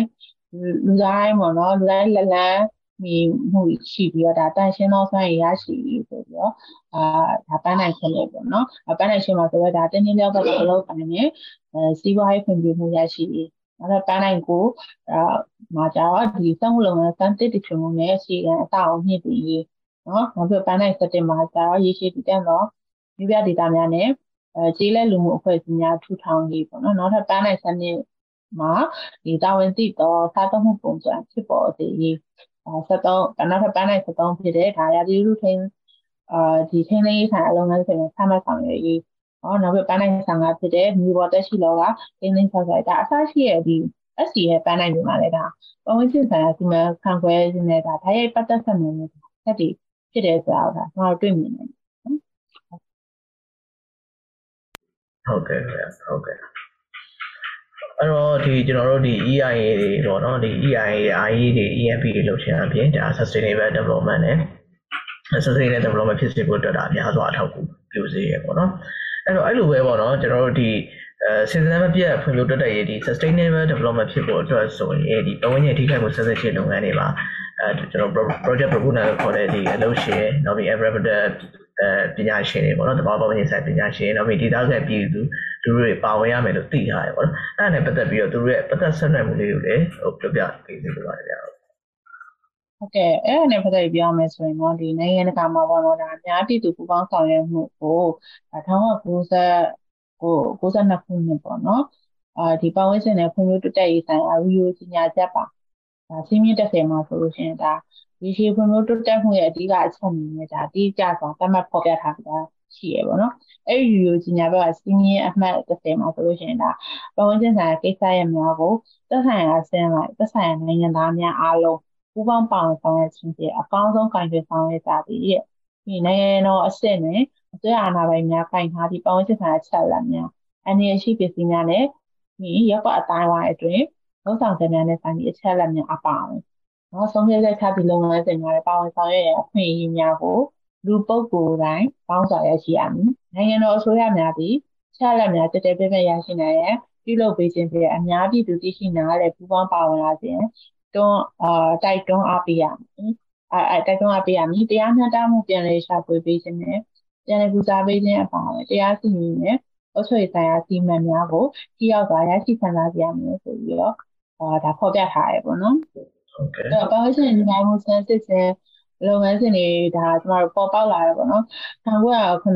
နှစ်နောက်ပိုင်းမှာစပြလာတယ်အများပြည်သူပူပေါင်းဆောင်ရပူပေါင်းပါဝင်ပေါ့နော်ဆောင်ရွက်မှုကိုဒါပတ်ဝန်းကျင်ဒီမှာစမ်းစစ်တဲ့လုပ်ငန်းစဉ်အဓိကအစိတ်ပိုင်းကြီးဖြစ်တာလက်ခံကိစ္စ ပေါ့နော်အဲ့တော့စီမံကိန်းရဲ့ဆိုပြီးသူနဲ့ဒီ EIA အတိုင်းပညာမျိုးပါပေါ့နော်ပညာ EIA အကြံပေးပေါ့နော်ပညာရှင်တွေကနေပြီးတော့အာစီမံကိန်းရောက်ထိခိုက်ခံစားရသူတွေနဲ့ဒီတိုင်းမဆွေးနွေးပြီးတော့ဒါ EIA လုပ်ငန်းစဉ်အတွင်းမှာပဲဒါအများပြည်သူပူးပေါင်းပါဝင်ဆောင်ရွက်စေအစီအစဉ်တရားကိုဒါရေးဆွဲတဲ့နဲ့အဲ့ဒီအစီအစဉ်ကနေပြီးတော့ဒါသက်ဆိုင်ရာစီမံကိန်းအဆိုပြုတာဒီတန်တဲ့ပါဝင်ခြင်းအနေထားပါဝင်ဆောင်ရွက်မဲ့ရရပြည်သူလူထုပူးပေါင်းပါဝင်မဲ့သူရဲ့စမ်းဆောင်ရင်းနဲ့ဒါ တိုက်တိုက်ညီအံဝင်နေဖို့ဒါလိုအပ်တယ်နော်ဟုတ်ဟုတ်ကဲ့ခင်ဗျအဲဆိုရင်ကျွန်တော်တို့ဒီ sustainable development ဖြစ်ဖို့အတွက်ဆိုရင်လည်းဒီ public involvement ကလည်းဒါအရေးကြီးတဲ့ channel မှာပါတာပေါ့နော်ဟုတ်ကဲ့အဲကြောင့် EIA လုပ်ငန်းစဉ် public involvement ကမဖြစ်မနေအလုပ်ပါတယ်ပေါ့နော်ပါလုပ်ပေးရတဲ့လုပ်ငန်းစဉ်ဖြစ်တယ်ပေါ့နော်ဟုတ်ဟုတ်ကဲ့ဟုတ်ကဲ့ပါ ဟုတ်ကဲ့အဲနောက်တစ်ခုကကျတော့ကျွန်တော်တို့ဒီအဲကျွန်တော်မြန်မာနိုင်ငံအခြေအနေပေါ့နော်မြန်မာနိုင်ငံအခြေအနေမှာလည်းပိုးဝင်လင်းပြောရမယ်ဆိုရင်တော့ကျွန်တော်တို့ဒီအဲလုပ်ငန်းရှင်တွေပေါ့နော်စီးပွားရေးလုပ်ငန်းရှင်တို့များများဒီပတ်ဝန်းကျင်နဲ့ဆိုင်တဲ့ဒီဟိုစီမံတွေပေါ့နော်ဟိုမှာဖြစ်ပတ်ဝန်းကျင်ထိခိုက်မှုဆက်စစ်ခြင်းတွေဒါနဲ့ဆက်ဆက်တဲ့လုပ်ငန်းစဉ်တွေကိုမလုပ်ချင်ကြဘူးပေါ့နော်အဲဒီလိုမျိုးဖြစ်နေတာကိုဟိုအမအနေနဲ့ဘယ်လိုများအကြံပြုချင်ပါလဲဗျာဟုတ်ကဲ့ဟိုရှေ့ရမေးခွန်းမှာပေါ့ရှေ့တော့မေးခွန်းမှာကျွန်မ အဲဒီအမေရိကန်နိုင်ငံမှာဖြစ်ခဲ့တယ်ပေါ့နော်ဖြစ်စဉ်တွေမှာရှိစဉ်အဖြစ်ပေါ့နော်အာအဲဒီအဲဆိုတော့နော်ဒီပတ်ဝန်းကျင်ဆိုင်ညံမှုတွေဖြစ်လာမယ်ဆိုလို့ရှိရင်အဓိကကဒါဒီဒီစီမံကိန်းပိုင်ရှင်တွေပေါ့နော်ဒီပေါ်မှာအများကြီးပေါ့နော်နစ်နာဆုံးရှုံးမှုတွေဒါဒါအများကြီးဖြစ်တဲ့သက်သေတာကရှိရပေါ့နော်ပတ်ဝန်းကျင်ညဉ့်ညံစေမှာမကပဲဆုံးရှုံးမှုတွေကလည်းသူတို့မှာလည်းအများကြီးရှိရပေါ့နော်အဲ့တော့ဒီပတ်ဝန်းကျင်စီမံဆန်းစ စ်လုပ်ငန်းတွေလုပ်တယ်ပေါ့နော်ဒီ environmental management လုပ်တယ်ဆိုတာတကယ်တော့အဲတစ်ဖက်မှာဒီခုနကဒီသူရဲ့လုပ်ငန်းရှင်တွေ property ပေါ့နော်သူတို့ရဲ့ပိုင်ဆိုင်မှုနဲ့အကျိုးမြတ်တွေဒါကာကွယ်ပေးရဖြစ်တယ်တစ်ဖက်မှာလည်းဒါသဘာဝပတ်ဝန်းကျင်နဲ့လူမှုစီးပွားကိုလည်းဒါထိခိုက်မှုမရှိအောင်ကာကွယ်ပေးထားတာဖြစ်တယ်ပေါ့နော်အဲ့တော့နိုင်ငံတကာမှာပတ်ဝန်းကျင်ဆိုင်မှုစမ်းစစ်တဲ့လုပ်ငန်းစဉ်တွေကိုဘာကြောင့်လုပ်လဲဆိုရင်ဒါစီမံကိန်းကြောင့်ပတ်ဝန်းကျင်မှာထိခိုက်မှုဖြစ်လာပြီဆိုရင်အဲ့ဒီထိခိုက်မှုတွေခုန ရှိမှပြောခဲ့တဲ့အတိုင်းပဲသူစားရတဲ့ကုန်ကြတဲ့ရောစားပမာဏအကြီးမားတဲ့အတွက်ကြောင့်မို့ဒါ EIA လုပ်ငန်းစဉ်တွေကိုလည်းအဲလုပ်ကြရဖြစ်တယ်ဥပမာပေါ့နော်ဟိုနောက်တစ်ခုဥပမာပြရင်းနှန်းစီပေါ့နော်အဲတင်လာတဲ့တင်မော်တစ်စီကနိုင်ငံတကာရေးပိုင်းနဲ့အတွင်းမှာအာဒီရင်းနှန်းရစိမ့်မှုဖြစ်သွားပြီဆိုရင်အဲ့ဒီပိုင်းနဲ့ဆက်ဆက်တဲ့ နိုင်ငံအနေဒါရော်ကြီးပြရတဲ့ဒါဖိတ်စင်သွားတဲ့ပင်လေပင်မှာလည်းဒါသူစစားမှုတွေကိုဒါလုပ်ပြရတယ်ပေါ့နော်။အဲကြောင့်လုပ်ငန်းရှင်တွေဒီပေါင်းစင်ဒီဇိုင်းမစမ်းစစ်ခြင်းလုပ်ငန်းစဉ်တွေကိုမသိရင်တော့ပို့လို့ရတယ်လို့ထင်ကြတာပေါ့နော်။အာတကယ်တကယ်မှာတကယ်စီမံကိန်းပါရှင်တွေကလည်းသူ့ရဲ့ profile အကျိုးများတော့စိတ်မခံနိုင်ကြဘူးလို့အဲ့တော့ပြောချင်တာကဒီပေါင်းစင်ဒီဇိုင်းမစမ်းစစ်ခြင်းလုပ်ငန်းစဉ်တွေဆို concept ကိုမသိ involve မလုပ်ဖို့ကိုလည်းသိနိုင်မှာမဟုတ်ဘူး။ဒါကြောင့်ဒီပတ်ဝန်းကျင်ညှိနှိုင်းမှုစစ်ချင်းနဲ့ပတ်သက်ပြီးတော့စီးပွားရေးလုပ်ငန်းရှင်တွေလည်းဒါအသိပညာရဲ့ဒီချင်းလုပ်ငန်းတွေဒီလိုဆိုတော့ဒါ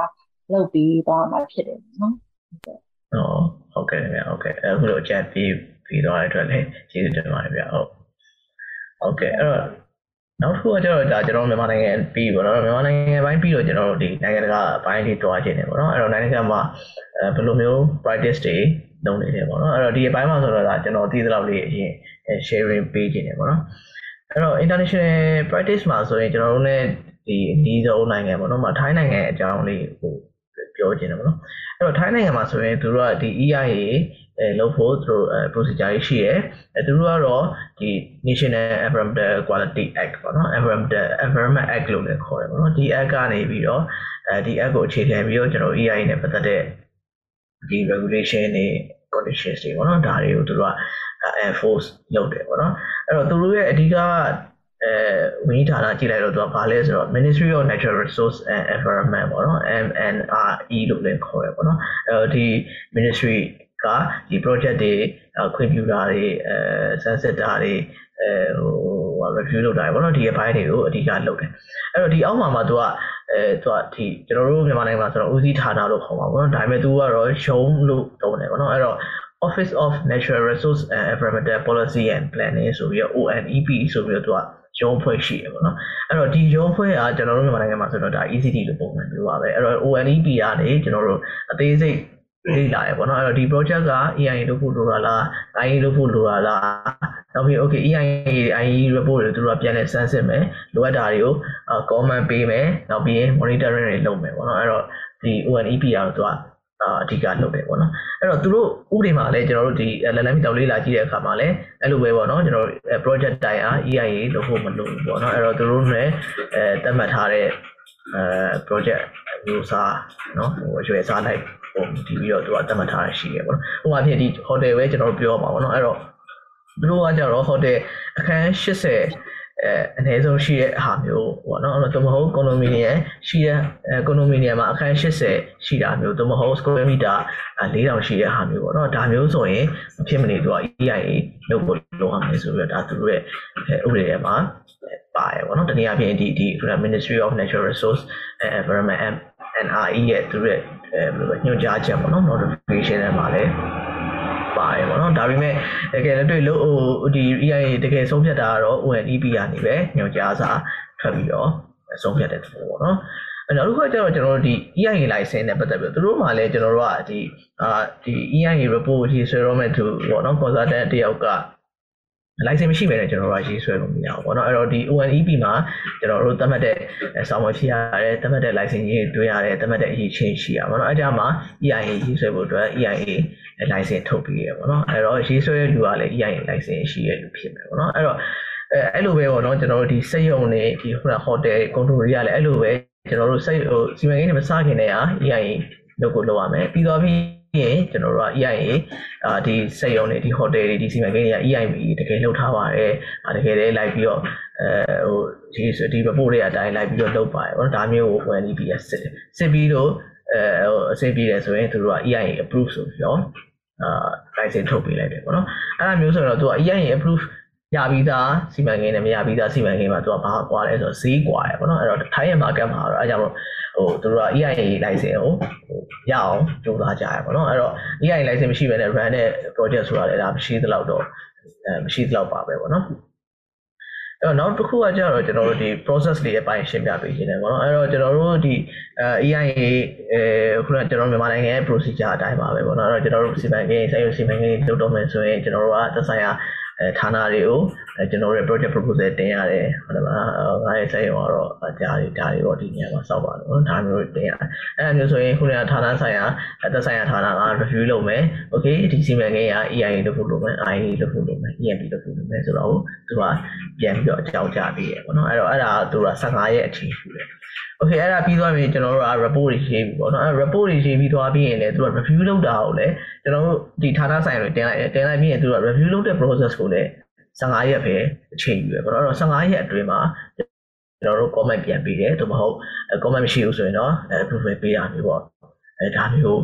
လုပ်တယ်ပေါ့နော်အဲ့တော့ဒါကဒီမှာကျတော့နောက်တစ်ခုကျတော့မတူတာကျတော့ကျွန်တော်အဲ့မှာဘာဖြစ်သွားလဲဆိုတော့နှစ်ဆင့်ခံသွားတယ်ပေါ့နော်အဲ့တော့ကျွန်တော်မြန်မာနိုင်ငံမှာဆိုရင်တော့ခုနအမှပြောရတဲ့မှာလည်းပါတယ် ECD က review လုပ်တယ် review လုပ်ပြီးရင် approve အဲပေးတယ်အပေးပေါ့နော်သူကဆုံးတယ်သူ့ပေမဲ့ဒီဒီထိုင်းရဲ့ဥပဒေမှာကျတော့သူက ONEB ကတစ်ဆင့်ခံထားတယ်ပေါ့နော်အဲ ONEB ကတစ်ဆင့် review လုပ်တယ် comment ပေးတယ် okay ONEB က approve ရပြီဆိုတော့သူကဒီဝန်ကြီးဌာနကိုပြန်ပြီးတော့တင်တယ်ပေါ့နော်အဲတော့ဝန်ကြီးဌာနကလည်းဒီ ONEB ကခွင့်ပြုချက်နဲ့ဟို report ကိုပြန်ပြီးတော့ပြန်လည်ဆန်းစစ်တယ်အဲတော့နောက်ထပ်45ရက်ထပ်ယူတယ်ပေါ့နော် okay အဲ့ဒီအဲ့ဒီ45ရက်ဒီ ministry ကဟို review လုပ်ပြီးတော့မှလိုအပ်တယ်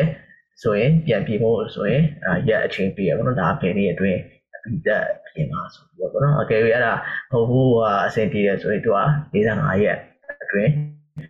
အဲ approve ဖြစ်တယ် approve မဖြစ်ဘူးเนาะဒီ message ကိုပြရတယ်ပေါ့နော်အဲ့တော့ဒီမှာနည်းနည်းလေးကွာခြားသွားတာကကျွန်တော်တို့အဲသူတို့ကတော့သတ်မှတ်ထားတဲ့အချိန်အတွင်းပေါ့နော်မရက်အတွင်းကိုသူတို့ကအဲတော်တော်တိတိကျကျလေးလုပ်နိုင်တယ်လို့ ဒါကျွန်တော်တို့တွေ့ရတယ်ပေါ့နော်ဟုတ်ဒါကတော့ဒါကျွန်တော်တို့ဒီမြန်မာနိုင်ငံနဲ့ဒီအနည်းဆက်ဆုံးရှိတဲ့ဒါထိုင်းနိုင်ငံရဲ့ practice တွေကိုကျွန်တော် share ပေးတာပေါ့နော်ဟုတ်ပြီအဲ့တော့ဒီကျွန်တော်ဒီနိုင်ငံတကာဥပဒေတွေခုနလိုပေါ့နော်ဒီထိုင်းမှာရှိတဲ့လုပ်ထုံးလုပ်နည်းပေါ့လို့မဟုတ်ထိုင်းမှာမဟုတ်ကျွန်တော်တို့ဒီမှာစင်ကာပူတို့တခြားနိုင်ငံတွေရဲ့ဥပဒေတွေနဲ့ဒီ EIA practice တွေနှိုင်းယှဉ်တဲ့အခါမှာကျွန်တော်မြန်မာနိုင်ငံအတွက်ပတ်ဝန်းကျင်ထိခိုက်ဆန်းစစ်ခြင်းဒီလုပ်ငန်းစဉ်ရဲ့ဖယ်အပိုင်းမှာဒီ တိုးတက်မှုပေါ့နော် approve တွေလုပ်စေခြင်းတယ်ပေါ့နော်ဒါအမှအမြင်လေးတွေပြောပြပေးပါဦးခုနပြောသလိုပေါ့နော်ရှင်မတို့ဒီခိုင်းနိုင်ငံဒါ EIA လုပ်ငန်းစဉ်မှာဆိုလို့ရှိရင်ဒါဆိုတော့အဲတမက်ရဲ့အတွင်းမှာဒါထုတ်ပြန်ရမယ်ပုံလေးဒါရှိသလိုဒီမြန်မာနိုင်ငံရဲ့ဒီ EIA procedure မှာလည်းပေါ့နော်ခုနပတ်ဝန်းကျင်ထိခိုက်မှုဆက်တဲ့လုပ်ငန်းစဉ်ဆိုပြီးတော့အဲနောက်ဆက်တွဲဟာကျအနောက်မှာပေါ့နော်ဒီဒီ EIA ဆိုလို့ရှိရင်ဒါအလုပ်လုပ်ရဲ့ အာဘယ်နှစ်ရက်အတွင်းပေါ့နော်ဒါစစ်စစ်လောက်ရမယ့် process တွေလည်းဒါဖော်ပြထားတယ်ပေါ့နော်ဥပမာအနေနဲ့ပြောလို့ဆိုလို့ရှိရင်ဒါ EMB မှာဆိုလို့ရှိရင်ဒါ EMB အဲဒီအဲတင်ပြလာပြီဆိုလို့ရှိရင်ဒီ EMB စစ်စစ်30 30ကိုကျွန်တော်ဒါအလုပ်လုပ်ရ30ကဒါဒီဦးစီးဌာနကနေပြီးတော့ဒါအတီးပြုပေးရမှာပေါ့နော်အာတီးလို့ရှိရင်သက်ဆိုင်ရာတဲ့ process တွေဖြစ်တယ်အာဒီအတီး approval ပြုလို့ရှိရင်ဒါ ဒီ ECD ထုတ်ပြရမယ်ပေါ့နော်အဲ့လိုမျိုးဒါမြန်မာနိုင်ငံရဲ့ရိုင် procedure မှာလည်းဒါပါပြီးသားပေါ့နော်အဲ့တော့ဒီခုနကပေါ့နော်ဒီ EIA လုပ်ငန်းစဉ်ရေပေါ့နော် improve လုပ်စေချင်တဲ့ဘိုင်းရလဲဒီမှာပဲပေါ့နော်ပြောရမယ်ဆိုရင်အဲနှစ်ပိုင်းရှိရပေါ့နော်ဒီ prefer တော့ဘိုင်းက before proof ပဲပေါ့နော်ခုနကဒါတော့ဒီ အတီးဘူးချမရခင်အပိုင်းပေါ့နော်အဲတကယ်စီမံကိန်းအကြီးတွေမှာဆိုလို့ရှိရင်ဒီသူတို့ရဲ့ project typing site တွေအလိုက်ပေါ့နော်ဒီအကြံပေးပညာရှင်တွေကိုသူတို့ပေါ့နော်ငှားရမ်းနေမှာပါပေါ့နော်တကယ်ပေါ့နော်အဲ့ဒီ EI လုံးဝဆိုမှာတကယ်တက်တိနားလေသူတွေကပါမယ်ပါမယ်ပေါ့နော်ဥမာဒီမူနာအနေနဲ့ဒါစီမံ industry ကခုနပတ်သက်တဲ့အကြောင်းကိုဟိုဒီပတ်သက်တဲ့ပေါ့နော်ပတ်သက်ပြီးတော့ဒီပတ်ဝန်းကျင်ဆိုင်ရာဆန်းစစ်ဖို့အတွက်ဆိုလို့ရှိရင်ဒါစီမံအကြောင်းတကယ်နားလေရပေါ့နော် အာဒီနားလည်းတက်တယ်နဲ့အတူတူပြပညာရှင်တွေကပါတင်နေပေါ့နော်ဒါ AI process မှာဒီပတ်ဝန်းကျင်ဆိုင်ရာအရေးလေးတွေကိုလည်းဒီတိုင်းတာတဲ့နေရာမှာလည်းဒါတကယ်တိုင်းတာတင်နေပေါ့နော်ဟာရှိပါမယ်ပေါ့နော်တကယ် aspect တွေပေါ့နော်ပတ်ဝန်းကျင်ဆိုင်ရာဒီမှာဆောင်ရွက်မှုအစီအစဉ်တွေလည်းဒါပါရမယ်ပေါ့နော်အဲဒီခုနကဒီလေလူရေလူမြေလူနဲ့ပတ်သက်တယ်ပေါ့နော်တကယ်တိုင်းတာတင်နေပေါ့နော်ဒီအချက်တွေလည်းဒါ ပါပါတင်တယ်ပေါ့ဒါမှဒါကတော့ဒါ EIN process မှာဒီအာဒါပါတင်တဲ့အချက်တွေပေါ့နော်အာ before approval မှာပေါ့နော်အဲဒီနောက်ပြီးအာအတည်ပြုချက်ကိုလည်းဒါဒီဌာနဆိုင်ရာအနေပေါ့နော်ဥစည်းဌာနတက်ဆိုင်ရာဌာနအနေနဲ့ဒါအတည်ပြုချက်ကိုလည်းခုနကအာဒီဒီဒီပေါ့နော် EIA ဆိုလို့ရှိရင်ဒါရက်60တွင်ဒါထုတ်ပြရမယ်ဆိုလို့ထုံးလုံးကပါထားတယ်လေအဲ့တော့ရက်60အတွင်းဒါဒီထုတ်ပြီးတင်တာပေါ့နော်အမှန်ဒီ ဒီလောက်ဆုံးလုပ်နေရတယ်နော်တကယ်လို့ကြာမယ်ဆိုလို့ရှိရင်အချိန်ကာလသတ်မှတ်ချက်နေပေါ့နော်ဒီအလုံးစုံပေါ့ရက်ပေါင်း150အတွင်းတော့ဒါအပြီးတက်တာပေးတင်တာပေးတင်တာပေါ့နော်တချို့ scoping report တွေဆိုကြာနေတာမျိုးတွေလည်းရှိတယ်လေအဲ့လိုမျိုးဟိုအပိုင်းကြီးရှိရခါကြတာအာဝန်ကြီးဌာနအနေပေါ့ဒါအတီးပြုပြီးသွားလို့ရှင်လေဒါ အဲ ECC လို့ခေါ်တဲ့ဒီ environmental compliance certificate ပေါ့နော်အဲအဲ့ဒီပတ်ဝန်းကျင်ဆိုင်သက်သေခံလက်မှတ်ရဖို့အပိုင်းကိုလည်းဒါ improvement လုပ်မယ့်အပိုင်းတွေလည်းရှိတာပေါ့နော်အဲဒီဒါကတော့ before approval ပေါ့နော်ဒါဒီစီမံကိန်းနဲ့ပတ်သက်တဲ့ဘက်ကပေါ့နော်ဒီအတန်ပေးနဲ့အာစီမံကိန်းပိုင်ရှင်ဘက်ကဒါလောက်ရမယ့်အပိုင်းနဲ့ဒါဒီ approval ပေးရဲ့ဌာနအနေနဲ့ဒါလောက်လောက်ပေါ့နော် improve လုပ်ရမယ့်အပိုင်းလေးပေါ့နော်နောက်တစ်ခါကျဒီ after approval ပေါ့နော်ဒီ approval ကသွားပြီဆိုလို့ရှိရင်ဒါ EIA ရဲ့ implementation process ဖြစ်သွားပြီပေါ့နော်အဲ့မှာအဓိကဒီ inspection နဲ့ monitoring ရှိရမယ်ပေါ့နော်ဒါ ECD အနေနဲ့ဒါ regular inspection ပေါ့နော် ECD ဆိုတာဒီပေါင်းချင်နေနေဒီခါတော့ပေါ့နော်ဒီသက်ဆိုင်အဥပဒေဌာနကနေပြီးတော့လည်းဒါ regular inspection ဒါမှဖြစ်မနေလုပ်တင်နေပေါ့နော်အဲ regular inspection မလုပ်ဘူးပေါ့နော်မရှိဆိုရင်ဒီပေါင်းချင်တဲ့အစီအစဉ်ခံစာတွေအတိုင်းပေါ့နော်ဒါ implementation လိုက်လုပ်နေတာမလုပ်ဘူးဆိုတာလည်းမသိနိုင်ဘူးလေနော်အဲ့တော့ monitoring report တွေကိုဒါပုံမှန်တင်ဖို့ကဒါဥပဒေဌာနကလည်း push လုပ်ရမယ်ပေါ့နော်နောက်တစ်ခါ project owner ကိုယ်တိုင်ကလည်းသူ့လိုမဲ့ frequency အတိုင်းပေါ့နော်ဒါ monitoring ကိုအာဒီတစ်နှစ်ပေါ့နော်နှစ်ကြိမ်လုပ်ရမယ်အစီအစဉ်လာတွေနှစ်ကြိမ်ပြရမယ်ဆိုတာတွေပေါ့နော်အဲနောက် တစ်ခုနောက်တစ်ခါကျတော့ဒီလိုအပ်တဲ့ inspection တွေကိုလည်းဒါအာနောက်ကဒီသက်ဆိုင်ရာအကြီးကျယ်နေတဲ့ဌာနတွေရပါတော့ဒါ inspection record တွေလည်းဒါမဖြစ်မနေထုတ်ပေးတင်တယ်ပေါ့နော်အာဒါတွေကိုလည်းဒါသက်ဆိုင်ရာဌာနအနေနဲ့ဆောင်ရွက်နေရလို့လည်းကျွန်မထင်ပါတယ်ပေါ့နော်ဟုတ်ကဲ့ခင်ဗျာဟုတ်ကဲ့ဟုတ်ကဲ့အဲ့တော့ဒီကျွန်တော်တို့မြန်မာနိုင်ငံမှာလည်းဒါဟို improvement တွေတော့လောက်တာတော့လုပ်နေရပေါ့နော်ဒါပေမဲ့လည်းတခြားနိုင်ငံတွေနဲ့ရှင်းလိုက်တော့နည်းနည်းလေး အဲဟိုအားနေတဲ့အပိုင်းလေးတော့ရှိသေးတာတွေကိုတွေ့ရတယ်ပေါ့ဒါပေမဲ့ဒီအပိုင်းတွေမှာကျွန်တော်တို့ improvement လုပ်လိုက်မယ်ဟလားဆိုရင်တော့ဒါဟိုဖက်ရောက်တဲ့အခြေအနေပေါ့နော်အဲဒါမျိုးဖြစ်နိုင်မယ်လို့မြင်တယ်ပေါ့နော်ဒါလည်းကျွန်တော်တို့အဲဒီအကြောင်းအရာလည်းဒါအကြံပြုရင်းနဲ့ဆွေးနွေးတဲ့အပိုင်းပေါ့နော်ဟုတ်ကဲ့ပါမှာဟုတ်ပြပြပြီးတော့ကျေးဇူးတင်ပါတယ်ဟုတ်ကဲ့အဲ့တော့နောက်တစ်ခုကကျတော့ဒီကျွန်တော်တို့ဒီ လူငယ်တွေဘိုင်းပေါ့လူငယ်တွေဘိုင်းကိုကျွန်တော်သွားပါဘော။ဘာလို့လဲဆိုတော့ကျွန်တော်တို့ EHS မြန်မာမှာအဲကျွန်တော်တို့ရဲ့ audience တွေကလူငယ်တွေများရပါတော့။ဟိုမှာတက်ကလို့အကြောင်းတက်နေတဲ့လူတွေနော် fresh graduate တွေများရပါတော့။အဲ့တော့ဒီဒီလူငယ်တွေထဲမှာလည်းဒါ environmental ဒီ sector ကလူတွေအများကြီးပါတယ်ပေါ့။အဲ့တော့အဲ့လူငယ်တွေပါလေဒီ EIA နယ်ပယ်တွေကိုအဝင်ကျင်တဲ့ဟာစိတ်ဝင်စားတဲ့လူတွေအများကြီးရှိရပါတော့။အဲ့တော့သူတို့အတွက်အမှားအနေနဲ့ဘယ်လိုများတိုက်တွန်းခြင်းလဲ။နောက်ပြီးတော့အဲဘယ်လိုအကြံပြုစကားလေး ပြောခြင်းလဲပေါ့နော်ဟုတ်ကဲ့ဒါလေးလည်းပြောပြပြပါအော်ဟုတ်ကဲ့ပါဟုတ်ဒီအရင်နဲ့ပဲဝင်လာတယ်ပေါ့နော်ဒီလူငယ်တွေအတွက်ပေါ့နော်လူငယ်တွေအနေနဲ့ပေါ့ကျွန်မအကြံပြုရမယ်ဆိုရင်တော့ချက်လေးချက်လေးနေပေါ့နော်အကြံပြုစမှာအဲ့ဒါဘာလဲဆိုတော့ဒီပထမတစ်ချက်အနေနဲ့ concept တွေပေါ့နော်ဒီ concept တွေကိုသိရမယ်ပေါ့နော်ဥပမာဒီခုနစဉ်းစားမပြတ်ဖွံ့ဖြိုးတိုးတက်ရေးလို့ခေါ်တဲ့ဒီ sustainable development SDG ရဲ့ဒါပန်းနိုင်နေသူ့ရဲ့ပေါ့နော် social environment economics ဆိုရပေါ့နော်အဓိကနိုင်နိုင်သုံးရဲ့ concept တွေပေါ့နော်နောက်ပြနာ green economy သိအောင်အာဒါစီးပွားရေးဆိုတာဘယ်လိုမျိုးတွေလဲပေါ့နော်အဲ့လိုစရပေါ့နော်ဒီ concept တွေကိုဒါသိထားရမှာပေါ့နော်နောက်ဒုတိယတစ်ချက်ကတော့ဒီလက်ရှိဒီပြဋ္ဌာန်းထုတ်ပြန်ထားတဲ့ဒီတောင်ကျဆိုင်မူဝါဒဥပဒေ new ဥပဒေလောက်ဆုံးလို့ line လို့ဆက်ဒီမဟာဗျူဟာတွေဆက်ဆက်ဥပဒေ new ဥပဒေဒါညွှန်ကြားချက်တွေကိုလည်းဒါသိထားဖို့လိုရပေါ့နော် ဒါမှလည်းမိမိနိုင်ငံရဲ့ rules and regulation ကိုသိမှာဘယ်လိုတွေလိုက်နာဆောင်ရွက်သွားမလဲဆိုတာဒါသိနိုင်မှာဖြစ်တယ်လေအဲနောက်တတိယအချက်အနေနဲ့ကတော့အာမိမိနိုင်ငံရဲ့ပတ်ဝန်းကျင်နေနေလုပ်နေတယ်ဘယ်လို trend နဲ့သွားနေကြလဲဘယ်လို framework တွေချမှတ်ထားလဲဒါမျိုးတွေကိုလည်းသိဖို့လိုအပ်တယ်နော်နောက်ဆုံးအရေးကြီးဆုံးချက်ကတော့ဒီပတ်ဝန်းကျင်မှာကျင့်ဝတ်လို့ခေါ်မလားပေါ့နော်အဲ့ဒီ environment active ပေါ့နော်အဲ့အဲ့ဟာအရေးကြီးရပေါ့နော် ကျွန်တော်အနေနဲ့အဲပြောရမယ်ဆိုတော့ဒီပတ်ဝန်းကျင်ဆိုင်ရာပေါ့နော်ဒီပညာရှင်တွေပေါ့နော်အကြံပေးပေါ့နော်အကြံပေးပညာရှင်တွေမှာဒီ environmental artist ဆိုတာမရှိဘူး။ဟန်ကန်တဲ့ပတ်ဝန်းကျင်ဆိုင်ရာစမ်းစစ်ချက်တွေဒီလည်းထွက်ပေါ်လာမှာမဟုတ်ဘူးလို့အဲ့ဒီ sensitive တွေကလည်းဒါအားနည်းသွားမှာဖြစ်တယ်နော်အဒီအဲ့အကြောင်းအဓိကပြောချင်တာကဒီဒီတောင်းချင်တာကပညာရှင် နော်ဒီ AI နဲ့ပဲလာမယ်ဆိုတော့ဝင်ရမယ့်လူမျိုးတွေဆိုတော့ကိုဆောင်ထင်းရမယ့်သူမျိုးတွေဒါဆောင်လေးတော့ကအဓိကပဲပေါ့နော်အာဒီ environment အသစ်ရှိတာနဲ့ဒါကိုကိုလိုက်နာကျင့်လိုက်နာမှုကျင့်ဝတ်တွေဒါဆောင်ထင်းရမယ့်ကျင့်ဝတ်တွေနဲ့ဒီဒီလောက်ရပေါ့အလုပ်သွားဖို့အရေးကြီးတယ်ပေါ့နော်ဒါတွေကတော့ဒီအရေးကြီးတဲ့အချက်တွေလို့ကျွန်မအနေနဲ့ပြင်ပြနေလို့ဒီအတိုင်းယူလိုက်ရပါဟုတ် ဟုတ်ကဲ့ခင်ဗျာဟုတ်ကျေးဇူးတင်ပါတယ်ပေါ့နော်အဲ့တော့ကျွန်တော်တို့ဒီ podcast ကိုနားထောင်နေတဲ့လူငယ်တွေအနေနဲ့လည်းပေါ့နော်ဒီငါတဝင်းကြီးပြောသွားတယ်အကြံပြုချက်တွေအဲတိုင်လုံးချက်တွေအတိုင်းနိုင်ပြီးတော့လုပ်မယ်ဆိုတော့ဒါ AI အိုင်မှာအဲကိုစာပြီးတော့လုပ်ပေါ့နော်အဲတချိန်ကျရင် web consultant အနေနဲ့ဒါကျွမ်းကျင်ပညာရှင်တယောက်ဖြစ်လာလိမ့်မယ်ပေါ့နော်ဟုတ်ကဲ့ပါပါကျေးဇူးတင်ပါတယ် အဲ့တော့ဒါကျွန်တော်တို့ရဲ့ podcast set တာနောက်ဆုံးမိကုန်းရောက်လာပြီပေါ့နော်အဲနောက်ဆုံးမိကုန်းဆိုတာထက်ဒါကျွန်တော်တို့ဒီအဲ announce လုပ်ရှင်တာလေးပေါ့နော်အဲ့တော့ခုနကဒီကျွန်တော်တို့ podcast ကိုနားထောင်နေတဲ့နေရာမှာလည်းဒါလူငယ်တွေပါပဲနောက်ပြီးရင်ဒီလုပ်ငန်းရှင်တွေပေါ့နော်စီးပွားရေးလုပ်ငန်းရှင်တွေအာအခုမှစပြီးတော့ဟိုစက်ရုံတွေဒီစီမံကိန်းတွေလည်းပတ်ဖို့အတွက် environmental နဲ့အခုမှအဲဟိုရှင်းစပြီးတော့ဟို တွေ့ရတဲ့သူတွေအတွက်ပေါ့နော်သူတွေအတွက်ရှိရပြီးတော့ကျွန်တော်တို့ဒီ EHS မှာနေ environmental management and planning ပေါ့ EMP course တွေ online course တွေကိုကျွန်တော်တို့အာဖွင့်ထားပါတယ်ပေါ့နော်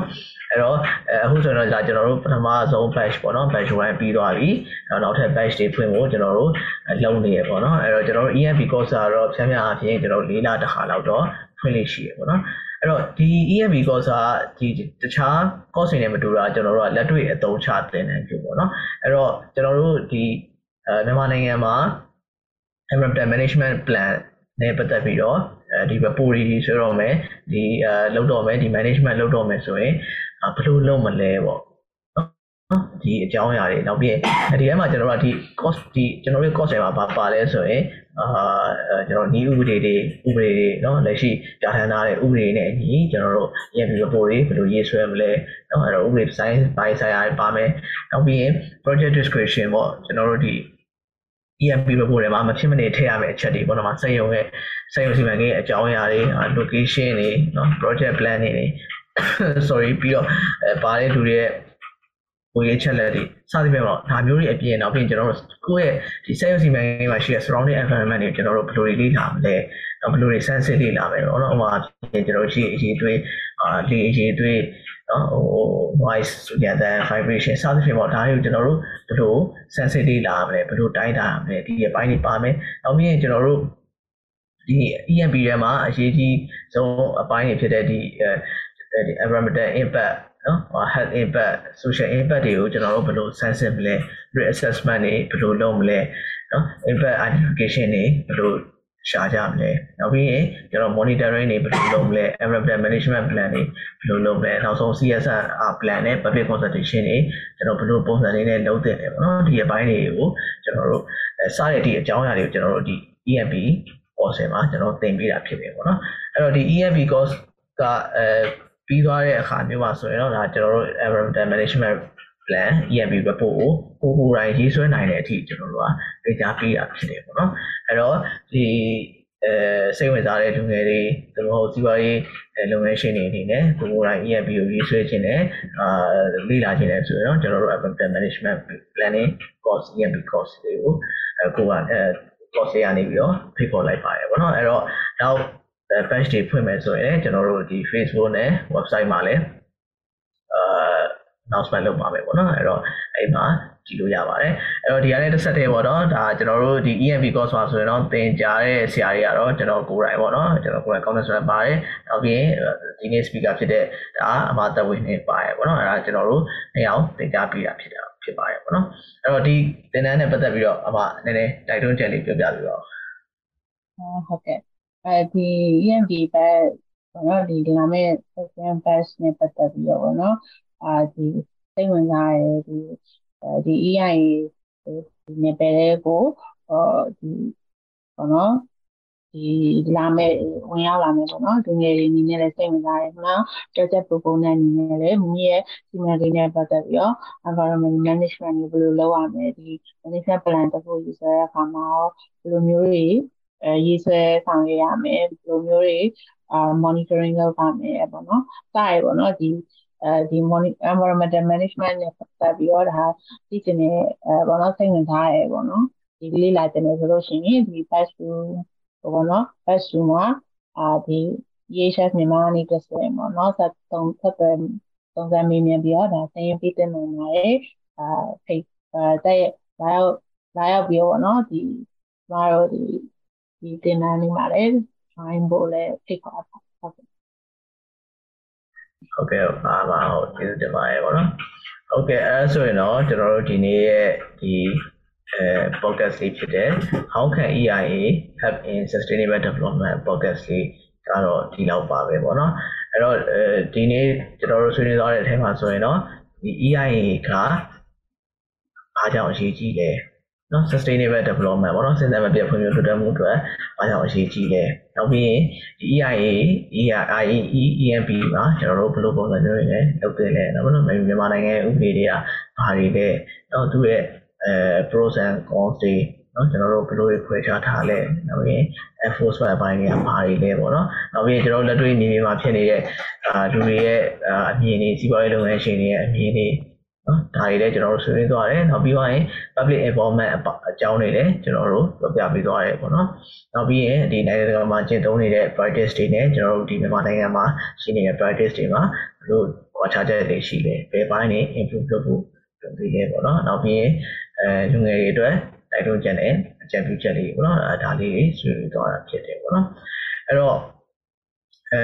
ကျွန်တော်တို့ဒီဆွေးနွေးသွားတဲ့နေရာမှာလည်းဒါဘုသူသားတွေအများကြီးကြမယ် လို့ထင်ပါတယ်ပေါ့နော်အဲ့တော့ကျွန်တော်တို့ဒီကျွန်တော်တို့ရဲ့ podcast ကိုတော့ဒီကျွန်တော် ehsmember.org မှာနားနားဆင်လို့ရတဲ့အပြင်ကျွန်တော် ehs member ရဲ့ Google နော် Google podcast Apple podcast Spotify podcast နဲ့တခြား channel တွေမှာလည်းအချိန်ကြီးဝင်ရောက်နားဆင်လို့ရပါတယ်ပေါ့နော်ဟုတ်ကဲ့ပါအဲ့တော့ဒီနေ့အဲကျေးဇူးတရားမဲ့သူကတော့ကျွန်တော်ရဲ့ guest speaker ဖြစ်တဲ့ဒါ Battle Winning ကိုကျွန်တော်ကျေးဇူးအများကြီးတင်ပါတယ် ဟုတ်ကဲ့ပါမမီနဲ့လည်းဒီလိုမျိုးစီစဉ်လေးမှာအာပါဝင်ပေးဖို့ဖိတ်ခေါ်ပေးရဲ့ EHS မှာနဲ့အာဒီ EHS တင်ရောပေါ့နော်မလေးရောစီစဉ်တင်ပါတယ်အဲဒီနားထောင်ပေးရဲ့ရုပ်ပြဆင်သူကိုလည်းအဲဒီကျေးဇူးတင်ပါတယ်အဲကျွန်မပြောထားတဲ့အချိန်မှာလိုအပ်ချက်တွေအာဘောနော်ရှိခဲ့ရဆိုလို့ရှိရင်လည်းအာနားလည်ပေးပါ ကျေးဇူးတင်ပါတယ်ဟုတ်ဟုတ်ကဲ့ပါကျေးဇူးတင်ပါတယ်ဟုတ်ကဲ့အဲ့တော့ကျွန်တော်တို့ EHS မြန်မာရဲ့ Monthly Podcast ကိုနားထောင်ပေးတဲ့ပရိသတ်တယောက်ချင်းစီကိုလည်းကျေးဇူးတင်ပါတယ်ပေါ့နော်အဲ့တော့ကျွန်တော်နာမည်ကတော့ဒေါက်တာဆန်ဖြစ်ပါတယ်အားလုံးကျေးဇူးတင်ပါတယ်